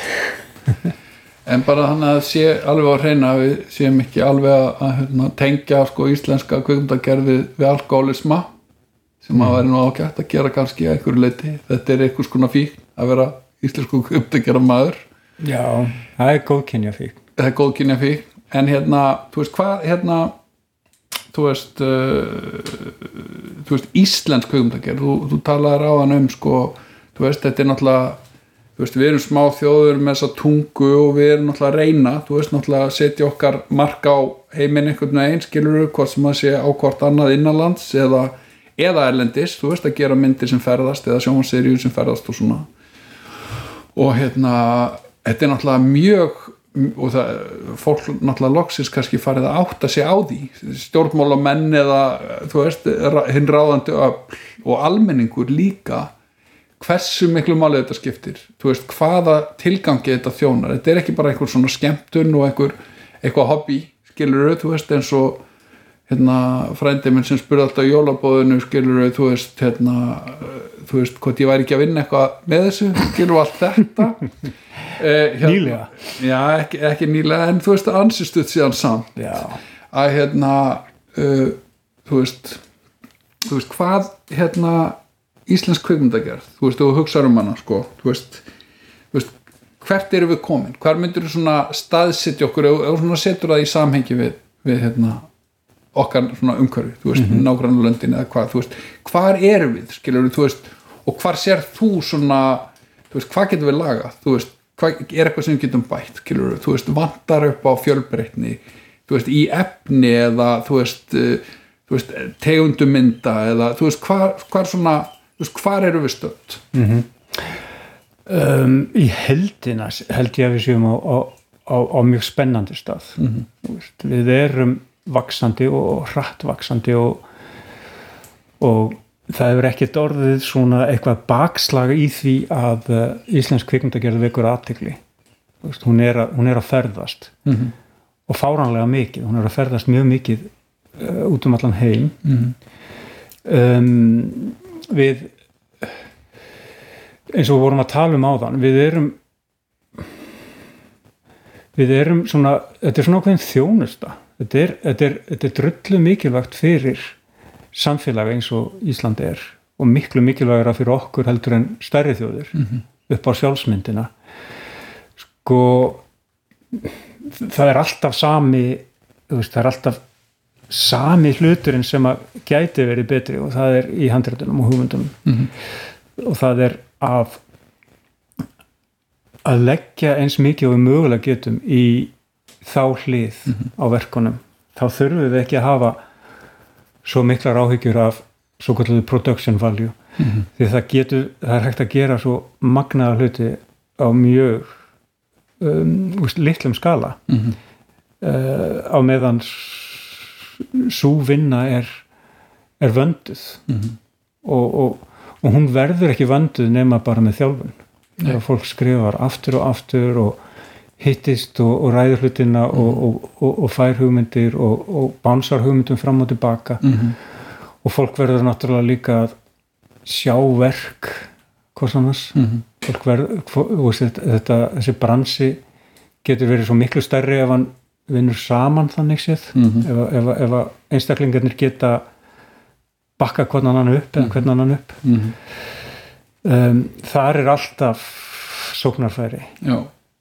Um, eins og vorum að tala um áðan hvernig andrúslofti var í þessum bransa fyrir 30 árum. Það er heimin og haf á milli hvernig það er orðið núna en það gæti verið betra. Mhm. það gæti uh, sko ég held að þessi keppnisandi er, er svona heilbriður upp á þessu marki en, en, en það, það kemur líka að því að hann er bara counterproductive. Þegar að maður finnur svona bara ákveði diss í, í, í, í, í svona viðmóti og þess að þar, þar sem að ég veit ekki hvernig það veist, þetta er ekki þetta er ekki íþróttir það er ekki það er ekki verið að mæla einhvern árangur. Nei það sem betur fyrir finnst mér það vera mér finnst það ekki vera mjög áberandi þú veist, í dag að það sé einhver svona uh, sérstök samkeppni á milli manna. Auðvitað er menn með mismikið keppniskap og eitthvað slíkt og, og sumir líta á þetta sem íþrótt kannski skilur eða keppni í einhverju. En svona uppi staðan af okkur held ég að sé bara í, í mjög góðum díalóg við kollega sína skilur Já. og þú veist, þú veist maður fær hérna aðra leikstjóra og höfunda til að lesa handritin fyrir sig eða mæta í klipp og horfa á klipp og allt þetta skilur og mér veist vera, þú veist, þessar nýju, hérna, nýju kynnslóðunar og sérstaklega, þú veist, þetta yngra fólki í dag er mjög svona opið og, og hérna og, og, og svona þú veist, hefur eitthvað svona kollektífa tilfinningu, sko. Já, og fólk er ekki hrætt, mjög grunar að veist, þessi, þessi svona tilnefing til þess að sína einhverjum verkin sín hérna í gamla daga hafi verið vegna þess að fólk held einfallega að þeim eru stólið hugmyndunum, að kollegar myndu stela öllu góðu sinnunum ég bara veit ekki til þess að hafi nokkuð tíman gerst í setni tíð eða, eða nokkuð tíman að, að úst, í handrita workshopinu eða í bara svona þegar fólk er að senda á milli sín verk að einhverjum hafi dottið í huga leggja svo lágt að stela Nei, einhverju konsepti Nei. eða hugmynd eða, eða senu. Þa, það, það væri þá óvart ef svo óheppilega vildi til Já og uh, þú veist þetta getur ímislegt gerst í undirmeðutund og, og, og þú veist og allt þetta og allt sem við lesum eða horfum á hefur einhvers konar áhrif á okkur Já. og, og fílterast inn í eitthvað og þú veist við erum stöðut að sítera meðvitað og ómeðvitað í eitthvað annað þú veist að- önnu listaverk eða samfélag okkar á eitthvað máta Mhm. þú veist maður getur alveg greint eitthvað svona séð, þú veist ég hef alveg hérna séð hérna önnur íslensk verk þar sem ég get alveg sagt svona, já, herðu þarna hefur hérna þessi kumdagjara maður greinilega orðið fyrir áhrifum af því sem ég gerði. Mm skilur þú veist og það er bara, ég tek því sem virðingar vott bara og mér finnst það frábært já, að hafa, á að hafa bara að þú veist, hafi inspírað einhvern. Já, og, og e ekki það ég segja að viðkomandi hafi, þú veist, gert það meðvitað en það er bara að meina við verðum, við litumst af reynslu heima okkar já, skilur en auðvitað er það óheppilegt ef það gerist óvart að einhver lesi einhvað verk og man ekki síðan hvað hann fekk hugmyndina sem hann setur síðan Já, já. í eitthvað sem byrtist á undan hinu. Já, það gæti gerst og þá er það bara mjög óheppilegt. En ég held að þessi fórnarkostnaður sem bara verður að eiga sér stað til þess að fórna ekki þessu samtali. Ég hef, ég hef aldrei hef verið stressaður því að læta einhvern lesa fyrir mig handrit sko að, að viðkomandi myndi stela því Nei. en eðlega kannski, þú veist, færi líka fólk til að lesa sem að þú, þú veist, náttúrulega þekkir eða, eða þú veist bara þú ert í eðlilegu samskiptum við Mhm, sko. ég gerði þetta þegar ég kom úr náminu um, þá fekk ég nokkra kollega til þess að lesa fyrir mig sótóma handritið Mhm. og uh, við hittumst þarna bara á skrifstofu KMI og þetta var bara eitthvað sem ég hafði lært út í kvimdaskóla Mhm. að hvað það var gefandi Mhm. uh, þá var mér sagt að þetta hefði bara aldrei gerst Nei. aldrei nokkur sinni að, að, að kvikmyndagerðamaður uh, sleisaðist til þess að afhenda einhverjum öðrum handritið sitt til þess að lesa Mhm. þetta var bara svona ótöður hérna, andrúsloft Já. að kvikmyndagerðamaðurinn var bara með sitt handrit sem hann skrifaði út og, og sótti um og fekk eða ekki Mhm. en var ekki að leita sér neittna ráðgjafar á neinu tægi Nei. og, og þá voru ekki sko ráðgjafar hjá KMI heldur bara úst, nefnd sem valdi eða hafnaði Já. Þetta hefur breyst mjög mikið. Ég bara, ég, hérna var að telja um daginn, ég held ég sé búin að sjá núna í vetur sko að minnstakosti fjórar íslenskar kvikmyndir uh, sem er í klippi Já. ófrumsýndar eða Já. sem sagt ó, því ég sé þar, þú veist ekki búin að læsa klippi og, og, og allir leik, þeir leikstjórar sko þú veist, er að byggja um uppbyggilega nótur og, og hérna og, og, og feedback og kritik á, á verkið svo stendur til að reyna að gera það betra já, já. og, og, hérna, og þetta er allt þetta er allt yngri höfundar en ég eða yngri leikstjórar Mhm. og þú veist, þetta þú veist og ég er bara eitt skilur, veist sem er búin að sjá fjórar í völdur þannig að það er bara, veist, þetta hefur breyst mjög mikið, fólk er miklu, miklu opnara fyrir, fyrir að hlusta að þú veist að það er of seint að, hérna, að vera vitur þegar myndin er frumsýnd sko. Já, þá koma kannski hundra manns til þín og segja þetta og þetta hefði getið verið skarra og svona Mm. bla, bla, bla, og þá bara er svo erfitt að vinna með það Einmitt. Uh, já, hérna við erum búin að fara vítt og, og breytt Já, er eitthvað svona sem að allt hefur komið mér óvart bara, hvað, hvað maður er að rifja upp? Þegar maður rifjar upp gamlar syndir og sögur sko. Já, ég, ég voru lítið fyrir það. Ég, já, ég er svona ég hugsa ekkert oft tilbaka og eins og vorum að tala um áðan, ég horfa aldrei á verkin mín aftur og, það ger ég ekki heldur. Ég, Nei, bara, ég því. get það ekki, það er bara of kvalarfullt Já, og það er eins og að ferðast bæð, það er eins og að vera svona rifin aftur í, í tíma. Já, og það er eitthvað svona tímapunktur þegar maður frumsýnir hvað sem að sé í kvikmyndahúsi eða horfir á það í sjónvarpinu í frum, frumsýningadegi eða eitthvað. Já, að eftir það sko, veist, þá þarf maður að halda áfram. Maður þarf, maður þarf að fara að gera næsta verk já. og maður tekur eitthvað með sér úr síðasta og veit hvað maður, veist, setur sér einhverjar hindranir eða eitthvað sem maður vil gera betur eða hvað sem það nú var maður tekur gott eða slæmt með sér úr öllum verkefnum og hérna, en að bara horfa á eitthvað þú veist, það bara er kvalafullt og það er bara, ég tel á fingurum annar handar eitthvað sem ég hort á sem ég hef gert svona eftir á sko. Já, stundum neðist maður til þess og allt það sko. en, en, en sko, það er annað líka sem ég átt á mig svolítið á þegar við verum að tala um þetta svona in retrospect hvað hérna veist, uh, maður var svo obsessed sem var röglega gott á sínum tíma. Mm veist, maður þurfti svo mikið að gera hitt og þetta og og uh, á tímabilum var maður með svo mörg verkefni í gangi einu. Um, ég mig langar ekki til að hafa þetta svona í dag. Mér finnst fínt sko að ég er með tvö verkefni í þróun núna. Mhm. og, og uh, þau gerast bara á þeim tíma sem að sko hendar uh, framleiðslu fyrirtækið er með fjármögnuna og það í sínum höndum og það eru handrið sem eru til eða, sem, þau það er eru klárt hvort tvekja- þau eru hvort tvekja já, nánast tilbúin. Já, þau eru fullskrifin en það er náttúrulega bara alltaf ákveðnar endurskrifanir í gangi. Mm um, og ég er algjörlega afslappaði gafast því. Mhm. ég þú veist, eins og með sótum ég þurft, ég þurfti að koma inn á koppin og quiz bang boom. Mhm. um, það er örgulega komið eitthvað energi út úr því. Mhm. En uh, ég held að allavega fyrir mig eins og ég er innrættaður í dag þá hendi mér miklu betur að, að láta þetta gerast á lífræðni hátt sko, og, og að það kemur þegar tímin er réttur Mhm. er, er þessi töverk er það bæði er það Já, það eru bæði er sjónvarsserjur já. Mhm. og daldið sko íbyrðamiklar í umfangi eða svona Mhm. það er svona kannski já, þungar í framleiðslu og fjármögnun Já, einmitt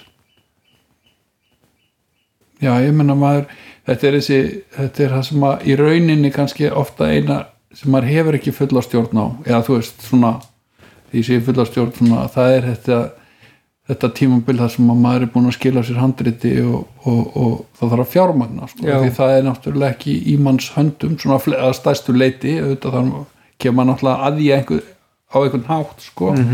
En maður býður svona, þú veist milli vonar og ótta eða, eða ekki hvort að það takist. Og ég er alveg samanlega maður verður miklu slakari eftir því sem maður er eldri. Já, að þú veist að því maður er búin að gera þetta svo oft og, og hérna, þú veist við, við erum öll með skúfur fullar af einhverju já, já, sem að hefur sapnast upp, þú veist, í gegnum tíðina Já. eitthvað sem er alltaf að gera þarna en varð ekki.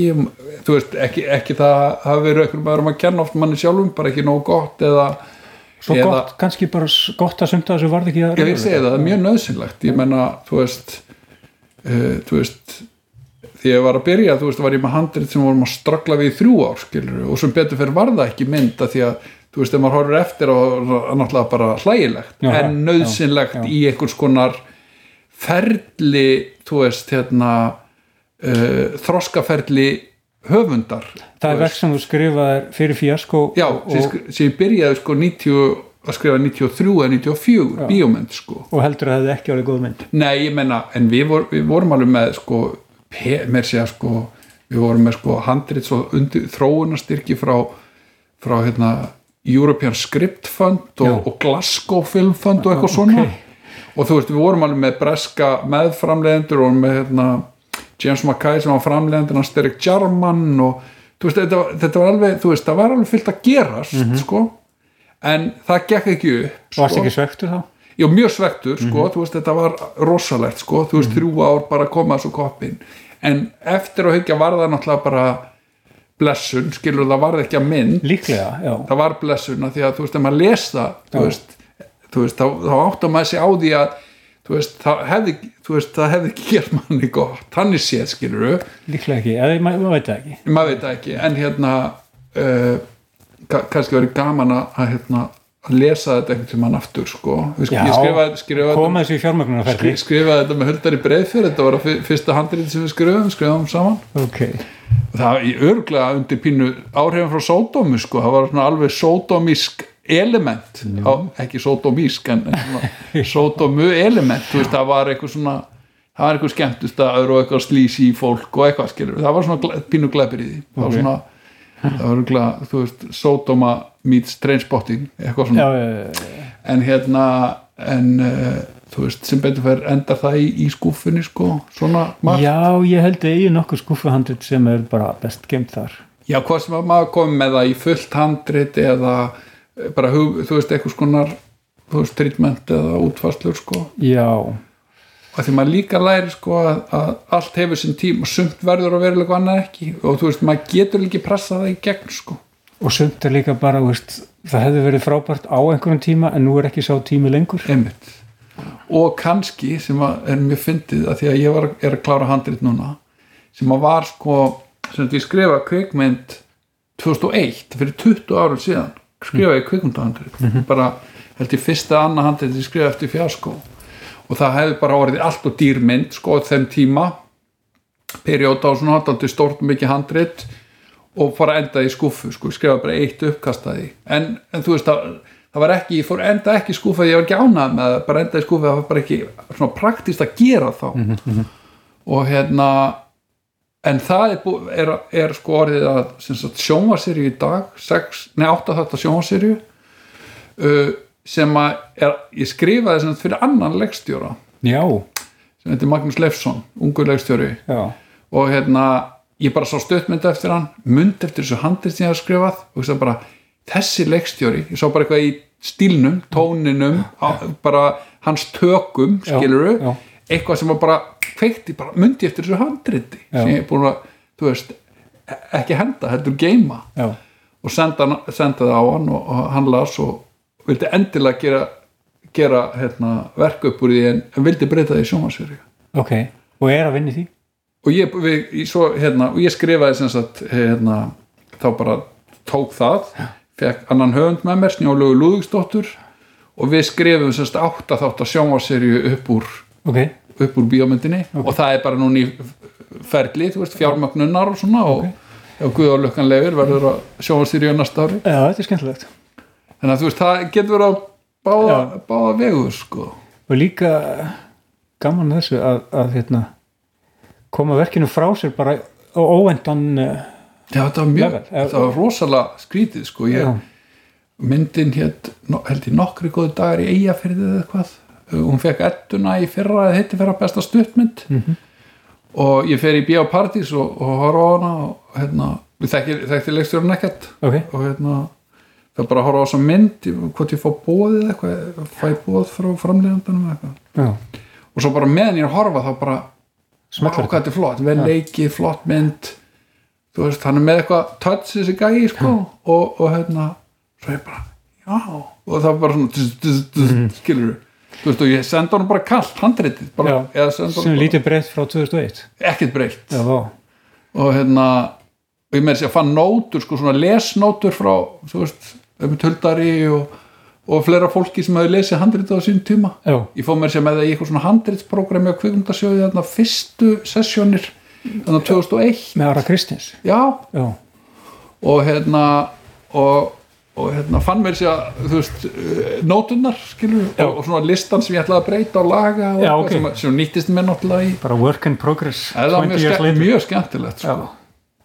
flippa en hérna þannig að þú ert ekki með svona það er ekkert svona verkefni sem að sem að maður kallar svona verkefni sem að the one that got away skilur eitthvað svona sem að til langaður við rosalega gera á einhver tíma en, en varð ekki. Jú, jú. Ég, ég á, á þannig verkefni. Já, um, þú ert ekki búin að gefa upp á bátinn ég er nefnilega ekki búin að gefa það bóti þá er það ekki one that got away sko. þá er það ennþá aktíft sko. Já, það er ennþá og það er þess eðlis að að og ef ég á að segja svo er sko, þá er þá er það bara svona hugmynd sem ég hef gengið með í maganum í sannlega 40 ár. Já. Og ég er ennþá á því að ég eigi eftir að tækla það. Mm en það er bara alltaf öðru sem allt annað sem ég hef gert maður, aldrei, maður veit aldrei sko. Já, þannig að þetta verður ekki svona Napoleon og Kubrick sko, eitthvað sem var bara ofiða mikið þetta er, er eitthvað er, þú sérð flöt á því að geta gert þetta einhvern tíma kannski. einhver tíman, já, Um, uh, hvenær það verður veit ég ekki en, en úst, það hefur aldrei stressað mig Nei. og ég hef unnið í þessu verki svona endrum og sinnum og, og það er í ákveðinu ferli mm. Þannig að það er not the one that got away sko. það er bara, ok það er í, í hérna, work in progress mm. það er, já, kannski ótíma bestum að tala um já, það hér. ræðum það ekki hér en eitthvað svona lokum, Óskar hvað, ert í dráma eftir þetta samtal eins og uh, horfa á fyrsta klip við erum svona náttúrulega ekki talað um öll þín verk skilur, ef við, uh, þú veist, ég menna er það ekki líka bara óþarfi? Tölum við Sódómi og aðeins Perlur og Svín kannski ekki mikið uh, Reykjavík Róttam aðeins og Þór og, og svo náttúrulega fyrir framann annan fólk sem er síðasta bíómyndinni. Mm -hmm. uh, þannig að þetta eru fimm bíómyndir að máta einhverjum kannski nýju sjónvarsýrjum eða eitthvað. Já, ég svona 30-70 hef ekki tölu á því. Hvað, það, það er mikill sjómaserju mikið frá, það er náttúrulega margir þættir og nokkra Já. seríur á hverju og svona sko já, það er búið að vera greiðlega mikil vinna sko, og, og það var svona mjög intens svona uh, getum sagt frá 2000 til 2010, 12, 13 mm -hmm. í sérstaklega sjómaserjónum Mhm. og ég bara mér fannst það full mikið ég meina, veist uh, það gekk svo, svolítið nærri manni á tímabili. Mm Þú veist, að vera að vinna svona back to back verkefni úr einu í annað og stundum alveg hlið við hlið. Og, uh, og sérstaklega eftir að maður fór eignast börn. Já, og uh, uh, svo skiljum við 2008 mm og það er alveg klárlega afleðinga af þessu vinnálega -hmm. og um, svo bara kemur að þeim tímapunkti að manni finnst þetta veist, ekki sniðugt að vera svona tjúlað mikið að vinna. Nei. Og það er stórleita ástæðan fyrir ég kemur upp þessu húsi hérna fyrir vestan. Mm bara að koma mér aðeins út úr þessari tjúluðu já, að því svo eru auglýsingar og ímislegt svona meðfram þessu mm í gegnum tíðina, veist, maður þarf ekki að vinna svona mikið, maður hefur bara haft tilneikur til að stökka á allt einmitt. Og það er ógeðslega gaman að hafa áttanir tímabil og, og já, meiri segja samhliða þessu hef ég verið í skara skrýbó skilur Mhm. á þessum tíma það hætti reyndar algjörlega í hruninu já, en alveg frá svona 96 7 til 2008 eða eitthvað þá, Mhm. þá var það sko allar helgar já, þú veist, ársatíður og þorrablút og Mhm. útíðáttíður og svona eitthvað í já. visslustjórn og, skemmtunum það var ógeðslega gaman og, og, og, og ég um, ég hérna naut þess svona, að bara fá insininu þann tjúlaða heim. Mm en vá hvað ég var fegin þegar að síminn hætti að ringja og byggja um skara skrýpu já, það var alveg orðið sko maður orðin úrvinda sérstaklega þetta helgarnar er alltaf bara undirlagðar. Þú veist, maður fær ekki helgar frí maður er að vinna alla vikuna og svo þarna um helgar sko. já, þannig að já, við veist bara mjög gott að vera veist, orðin svona aðeins fann að anda með nefinu. Já. Er það ekki bara þroskamerki? Jú, það er eitthvað svo leiðis það er ekki sami, sami asinn sko. Nei, nákvæmlega, til hvers, til hvers sko. hvers? Þetta eru ansi margar mínútur leiknu efni sko. Já, kannski einhver staðar hátt í 2000 eða eitthvað. Ég hef ekki talið það saman ég er svona sirkaði það út. Það var einhver staðar á bilinu 1000 til 2000 aðslatti, því að það er mikil vinna baku hverja mínútu. Já, Já, það er það er líka bara einhvern veginn hverjum degi sem maður mætir á tökustaf það er alltaf einhvern veginn fyririldi í maganum og Mhm. maður er aldrei einhvern veginn svona búin að master þetta. Nei. Þú veist, þetta er ekki bara spurning um peninga sem eh, maður veit að er að fjúkut um gluggan á hverju mínútu heldur veist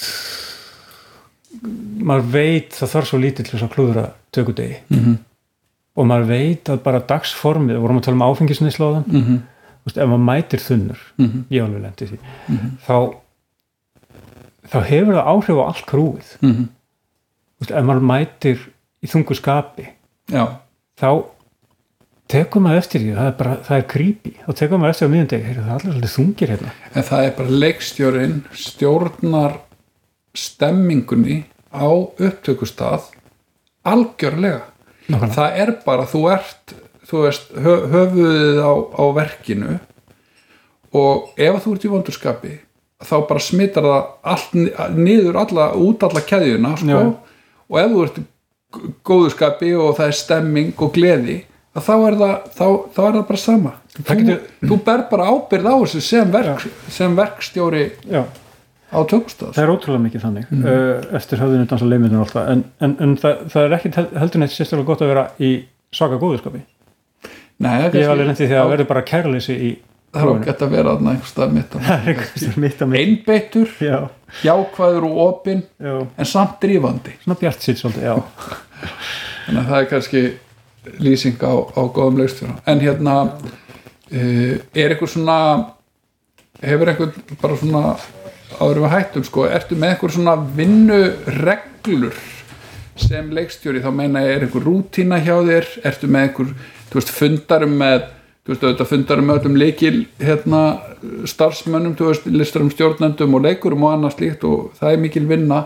En, en þú veist, tekur þú fund með öllu krúin áður en að tökur hefjast eða sendið en tölupóst eða, eða svona kemur fólki á eitthvað á blaðsíðu þú veist hvað, ertu, eða bara svona dag, dagsritúal, ertu með eitthvað svona vinnu hefðir Mér, mér, finnst, sko, mér finnst maður alltaf að vera að experimenta með það mm -hmm. um, og prófa eitthvað nýtt og uh, ég hef ekki svona fundið um, réttu leiðina eins og fyrir þessar stóru fundi sem þú nefnir sko, og eitthvað svona undirbúningsfundur eða lokdagsfundur Mm því að um, tímin er knappur -hmm.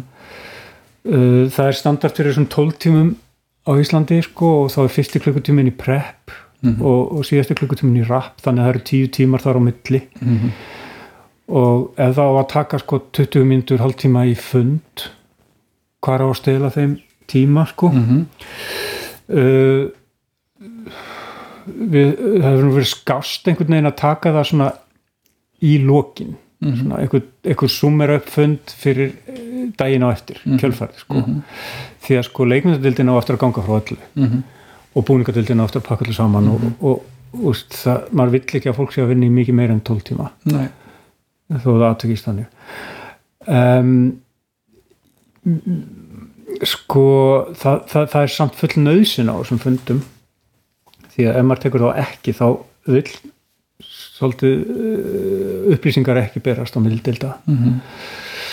um, annars er uh, sko já, rútínan er þú veist, hún snýst aðalega um sko ef maður er að þjóta á milli lokasjóna þú veist, hvernig maður tæklar hverja lokasjón fyrir sig Mhm. Venjulega er sko DOP og, og leikstjóri búin að- ásamt aðstofleikstjóri að búið að koma á staðin Mhm. einhverjum vikum fyrir Mhm. og blokkera svona hvernig á að skjóta þetta en, en það er alltaf eitthvað sem að Mhm. kemur í ljós uh, það þarf alltaf bara um leið og leikar eru tilbúinir að æfa í settinu Mhm. og þá eru sko síðustu forvöð að breyta uh, setupum Mhm. En, en venjulega er þetta allt fyrirfram ákveðið þegar maður mætir sko. Uh, það er alltaf býðst í ljósanum veist, þetta, þetta er það er svona eitt sem ég fattaði með sjálfa mig ég, ég meika að býða eftir einhverju tvennu Já. ef ég er að býða eftir einhverju einu sem hefði átt að vera tilbúið Já. þá verði ég grautúllan ef það er líka að vera að býða eftir hljóði eða hvað þá slaka ég aðeins á Mhm. að maður er alltaf svolítið svona servitur aðstofleikstjóri í sér líka sko. Mhm. Þú veist, maður er alltaf að spá í þetta helviti skipulag og maður getur aldrei almennilega slakað á Mhm. á tökudegi ég meina kannast ekki við það sjálfur maður er alltaf með fyrild í maganum alltaf fyrildi að því að maður náttúrulega maður ber ábyrð mm -hmm. að, að stóru leiti sko að ná deginum Já. og maður er líka fórnarlamp náum maður ekki deginum. Já, ef það er ekki af manns eigin svöldum. Akkurát ef það er, þú veist, einhver hægagangur eða skiplasleysi sem hefur kannski ekki með mann sjálfan að gera. Já, kemur algjörn loftan á og maður kemur aftur manni og maður kannski missir klukktíma deginum eða, eða senu sem maður ætlaði að gera eitthvað slíkt. Þá er maður fór, fórnarlamp þess. Já, en á sama tíma er maður líka gerandi eða sem sagt hefur maður ábyrð skilur að skipuleggja sig þannig að það gangi upp og þú veist því færri svona óvænt uh, skipulagsvandræði Mhm. sem komu upp því, því, því fagnar maður meira skilur þú veist og, og er Já. það er alltaf tifir í, manni stress. Já, þú veist, þetta er dagurinn er dýr. Maður, maður hefur bara vist marga tíma maður hefur bara vist marga daga. Og maður vill segja svo sögu eins vel og maður getur. Já, og, og hérna og maður veit að það getur allt gerst. Og hérna, maður þarf að fórna einhverju stundum og gera einhverja málamilanir en fyrir mér er sko snýst þetta allt í raunum frá upphæðu til enda. Frá því ég búið með handritið og handili frumsýni eða þú veist, er að gera eins fáar málamilanir og ég hugsast þarf. Mhm. að semst bara bú, búa þannig í hægin að allir viti hvað er að gera áður en tökur hefjast bara með öllum hugsanlegum ráðum með fundum, með tölvupóstum með bara, þú veist, að vera bara að reyna að koma öllum á sömu síðuna. Og hérna, og velja með mér eins gott fólk og ég hugsast get, getur, skilur sem að kann og getur og hefur einslu þú veist, þú veist að maður þurfi líka ofta að taka inn óreint fólk sem er frábært líka að fá nýtt blóð og, og allt þetta. En hérna, þú veist því færri málamiðlanir, því betra sko. Já. Og það að missa sen á degi er málamiðluna því þá þarf maður að koma hann í fyrir á öðrum degi og þá getur maður ekki eins eitt eins miklum tíma í þá senu sem var þann daginn og, og allt þetta, þú veist, þetta er, þetta er stöðut púsluspil sko. Já. og þetta getur alveg farið á sálinn á manni Já. og maður getur alveg sko maður getur lent í því að, að fá þú veist, einhvern starfsmann á heilan Mhm. þú veist það er alltaf einhver eitt sem að klúðurar skilur alltaf einhver eitt, eitthvað, sami aðili sem er á seitt skilur og, veist, og er ekki undirbúið sig þegar að hann ætti að vera að því sko, veist, og Já. það tekur ótrúlega mikið af bara kreatífu energi frá manni Mhm. þú veist, að þurfa að hafa veist, í undir meðutundinni er svo and so að gera það sem hann á að vera að gera núna. Já, en svo er líka með það fólk því það er náttúrulega, þú veist það er misjafn sögur í mörgum fjö og, og kvikmynd að gera ef er mannmörg íþrótt. Eða þú veist, þú veist það eru hundruður manna sem koma inn í kvikmyndaverkunni, þú veist, þú tekur alla saman. Og það er náttúrulega ekki að það ætlast til allir séu 100% skilur við, þú veist, ef maður vonar það með því að velja þetta fólkið. En ég held að fólk sem að sko, hvort sem að séu leikarar eða fólk fyrir aftan vél sem að veldur þér vandræðum eða vanlíðan eða, eða trublaði eða pyrraði þig. Að það fólk er ekki bara að gera það þarna. Það er að gera það allstað sem að annar staðar sem að fer í vinnu mm -hmm. líklega. Væntalega og það, það endist þá heldur ekki í fæinu skilur, ég hef alveg veist, sérstaklega lendi í því að sko vera kannski með leikara sem að verið bara ekki eða þú veist, bera bara virðingu fyrir fólkinu. Já, veist, leik, þegar, þegar leikara líka, líta stort á sig Já. veist, þeir eru oftast oft mínir nánustu samstarfsmenn. Já, já, ef að leikari lítur þú veist, eitthvað hvað ég segja, meira á sjálfan sig eða þú veist, heldur en bara þann sem er heldur på kaffi eða, eða hérna setur bljós eða eitthvað þú veist, finnur til mikilvægi síns að því að, að við komandir aðleikari eða leikari eða eitthvað skilur það, það hérna á ég mjög erfitt með sko. Já það er bara svona mannleg samskipti sem fólk ákveðni Já, ég segja bara, þú veist, fólk á bara mæta í vinnun á réttum tíma vinna eins og vel og það getur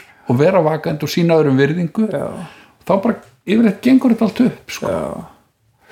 Þetta, er, þetta er þannig þetta er, þetta, er, þetta er bara svona mikil veist, hvert pródjekt fyrir sig og, og, og það er fellega vant þegar það er eitthvað svona elitismi það bara býr til úlfúð. Já, bara, það þarf að útrýma honum sko. ég, hérna, ég reyna að gera það með því að ég sendi tölvupóst yfirleitt sko, ef ég næ ekki fundi með öllu krúinu þá meina ég bara öllum sem er í tökuliðinu þá sendi ég bara tölvupóst allan að degi fyrir tökur eða tveimur og bara svona segi hvernig ég vil hafa hlutina segi hvernig stemmingu ég vil hafa á setti sem snýra bara veist, hversu hátt fólk á að vera að tala ef það, þú veist, þú veist ég vill ekki, þú veist, háfa það læti, öskur rifrildi að neina ne, þú svona neikvæðni, ég ætla að fólk tali bara í svona hálfum hljóðum, beri virðingu fyrir leikarannum sem er ofta að undirbúa sig þótt að hann virðist ekki vera að gera það skilur og allt þetta. -hmm. og bara reyna að lýsa bara, þú veist, hvernig hvað ég er að reyna að gera. Og ef að, og bí, ég býð upp á það sko, það hefur alveg komið sér vel. Að bjóða upp á það ef að fólk hérna, hefur kreatífa hugmynd hvernig mætti gera hlutina betur þá getur það komið til mín sama hvaða stöðu það er í og getur rætt af við mig. En ég set náttúrulega varnaglan á það að, að byrði fólk að að vera búið að hugsa það virkilega vel áður það kemur til mín. Já, þú veist, ekki vera bombardarar með hugmyndum og hverjum, þú veist, bara ef því hún líst niður. Það geti gerst. Það, þú veist, heldur bara ef fólk er bara sér að það er eitthvað sem má fara miklu betur. Já, þú veist, fyrir fram að en, eða í handritinu eða hvað sem er bara, það er ekkert mál að koma mér og segja mér það, skilur við og þegar maður svona, þegar fólk veit svona sirka hvernig stemmingin er þú veist, hvernig sem maður kemur því til skila, getur verið aðstóðlegstjórn sem kemur gera það framleiðandi en hvernig sem er að þá, þá finnst mér einhvern veginn allt ganga smurðar fyrir sig Já. að það er óvissan þú veist, ef það er eitthvað svona óvissa eða þekkingaleysi hvað er að fara að gera næst eitthvað svona Já. sem að veldur oft e, svona einhver óþara spennu góður aðstofalegstur er gulls í gildi Já, ég, ég hérna þakka og blessa hana hörpu þórstóttu vinkonum mína. -hmm. og ég er sérlega þakkláttur fyrir hana Já. í mínu lífi.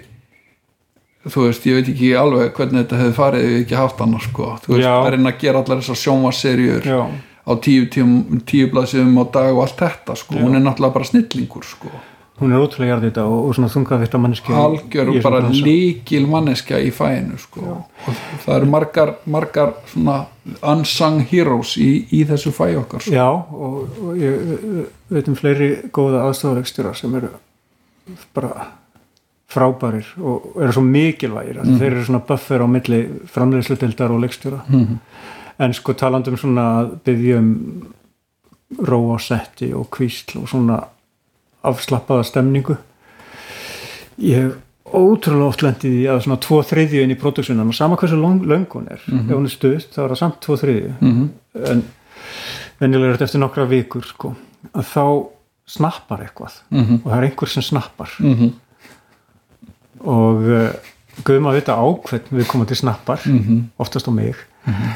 En það verður einhver svona sígur á ógæðulegina þetta er sérstaklega ef það er búið að vera svolítið djám talandum áfengisneslu og það allt sko. Ef það er, veist, ég er ekki að segja að það sé djám í tökum eða neitt slikt en heldur bara þetta típiska vikulega djám sem að Mhm. er stundum mandatóri Mhm. það tekur sinn að það tekur af kvildinu sem fólk búa, fólki stendur til búa um helgar. En það er eins og þessi þreita sökvi djúftin í sálartetrið og springi út Já. þegar það er úst, komið fram yfir miðju en það er samt svo langt þangar þetta er búið. Þú ættir í rauninni sko bara myndu því næst og gerir eitthvað. Mm. að, að segðu krúinu við tökum, við tökum fyllir í fyrstu helgina. Nei, það er svo snemma og svo bara ekkert meira áfengi það er bara Já. áfengi spanna sem út er sko. Nei, nei, ég veit ekki ég þá orð- helst til að sleppa fyllirinu þangar til bara tökum við lúk það á bara að vera þannig. Það á bara að vera gott rappartí. En í, fyrir framann hana fólk þá að því hún gerist á fjórum ástíðum mm -hmm. þá gætu við skotið í, í fjórum eða faktisk þremur atrinnum Mhm. og uh, það var æðislegt. Já, það var æðislegt að geta sko splitta þessu upp í stutt þryggja nei, no, þrygg, þrjú hérna stutt tímabil sko. Mhm. og uh, það var bara allir dagar skemmtilegir og þægilegir sko. það var uh, ég úst, mæli með því ef það er hægt Mhm. uh, þetta úst, að skjóti í 6-8 vikur er ógislega langt tímabil og hvað þá kannski 12 eða 16 ef maður er að gera sjónvarserju eða eitthvað já, en það er samt eitthvað neginn þetta er alveg, ég finn svo sem ekkert mikið mun á því, sko, fyrir mig að gera bíómyndið að sjónvarserju, mm. maður stillir sig einhvern veginn, það er eitthvað svona bara sem Nei, gerist, maður bara svona stillir sig inn á það, já, að það séu fleiri dagar og það kre krefur mann ekkert sérstaklega mikið meira orku heldur en nei það er undalegt en það er rétt. það er, maður er einhvern veginn bara þú veist, og ég átti þetta samtalið fleiri leikstjóra sem maður segja, já, ég komur óvart, sko, ég var þú veist, þú veist 80 dag að gera þessa sjónvarserju en, en það var bara eins og ég var að gera bíómynd, sko já. þú bara stilliði einhvern veginn af í orku, sko, held ég og ég man eftir mjög mörgum momentum í, í svona löngum pródjöktum þar sem ég hugsa sko einhvers tímanum viðbyggið vá, ég get alveg hugsað mér að vinna við þetta allan á sér ring þú veist bara að mæta á tökustað og skjóta allan daginn en það er alltaf alveg bursið frá undirbúningi og eftirvinnslu Mhm. en það er einhver svona um, ánægja Mhm. að vera í tökunum mm veist, það er einhver veist, það er rosalega mikið að gerast og mikið samtöl við fullt af fólki og, og, og um miðbyggið mann maður ekkert hvað maður var að gera fyrir viku síðan sko. Mhm. -hmm. fyrir sitt litla líf getur maður sagt hvað maður var að gera á þriðjudaginn í síðustu viku mm -hmm. maður þurfti að kíkja á kólsít eða eitthvað til að fatta það Mm -hmm. þannig að maður tekur bara einn dag í einu maður er svo mikið í núinu Mhm. og, og, og svo kannski samt kemur þetta óumflýðarlega þreytutímabil, tvo Mhm. en maður fær þessa tilfinningu að úst, þetta getur bara verið way of life sko, sem að maður getur vanist. Mm -hmm. en auðvitað myndum maður brenna kertið í báða enda og vera ógeðslega þreyttur fljótt. Jæja, herðu, ég held að þetta sé komið ágætt hérna hjá okkur. Ég held að við séum komin slagið þér á tímana. Fucking hell. En það er bara hérna, sá á kvölinu sem á völuna sig sem hlustar á þetta allt saman. Já. það er kannski einhverju sem hafa gagn og gaman vonandi og, og hérna. Og uh, ef einhver Allan- er að hlusta ennþá þá býði ég honum stóran bjór já, já. allan hafði ég gaman af spjallinu. Það er nú kannski fyrir öllu að við höfum gaman að því sem við erum að gera sko já. og svo bara krossa maður fingur og fleiri hafið það en, en maður hefur eitthvað stjórnaði frekar en á kveikmyndunum sko nákvæmlega maður bara verður að skila sem bestu verki og, og, hérna, og vona það besta Já. Nei, þetta er búið að vera gaman og, og, og, og, og svona fríkað að verið við allt upp. Herðu, þá bara kveðjum við hérna úr, úr hérna, sælunni á í Hænuvík Já. og byggjum fólk vel að lifa og, og hérna, vonandi verða fleiri þættir af þessu skemmtilega leikstjóra spjalli Mm Takk fyrir mig.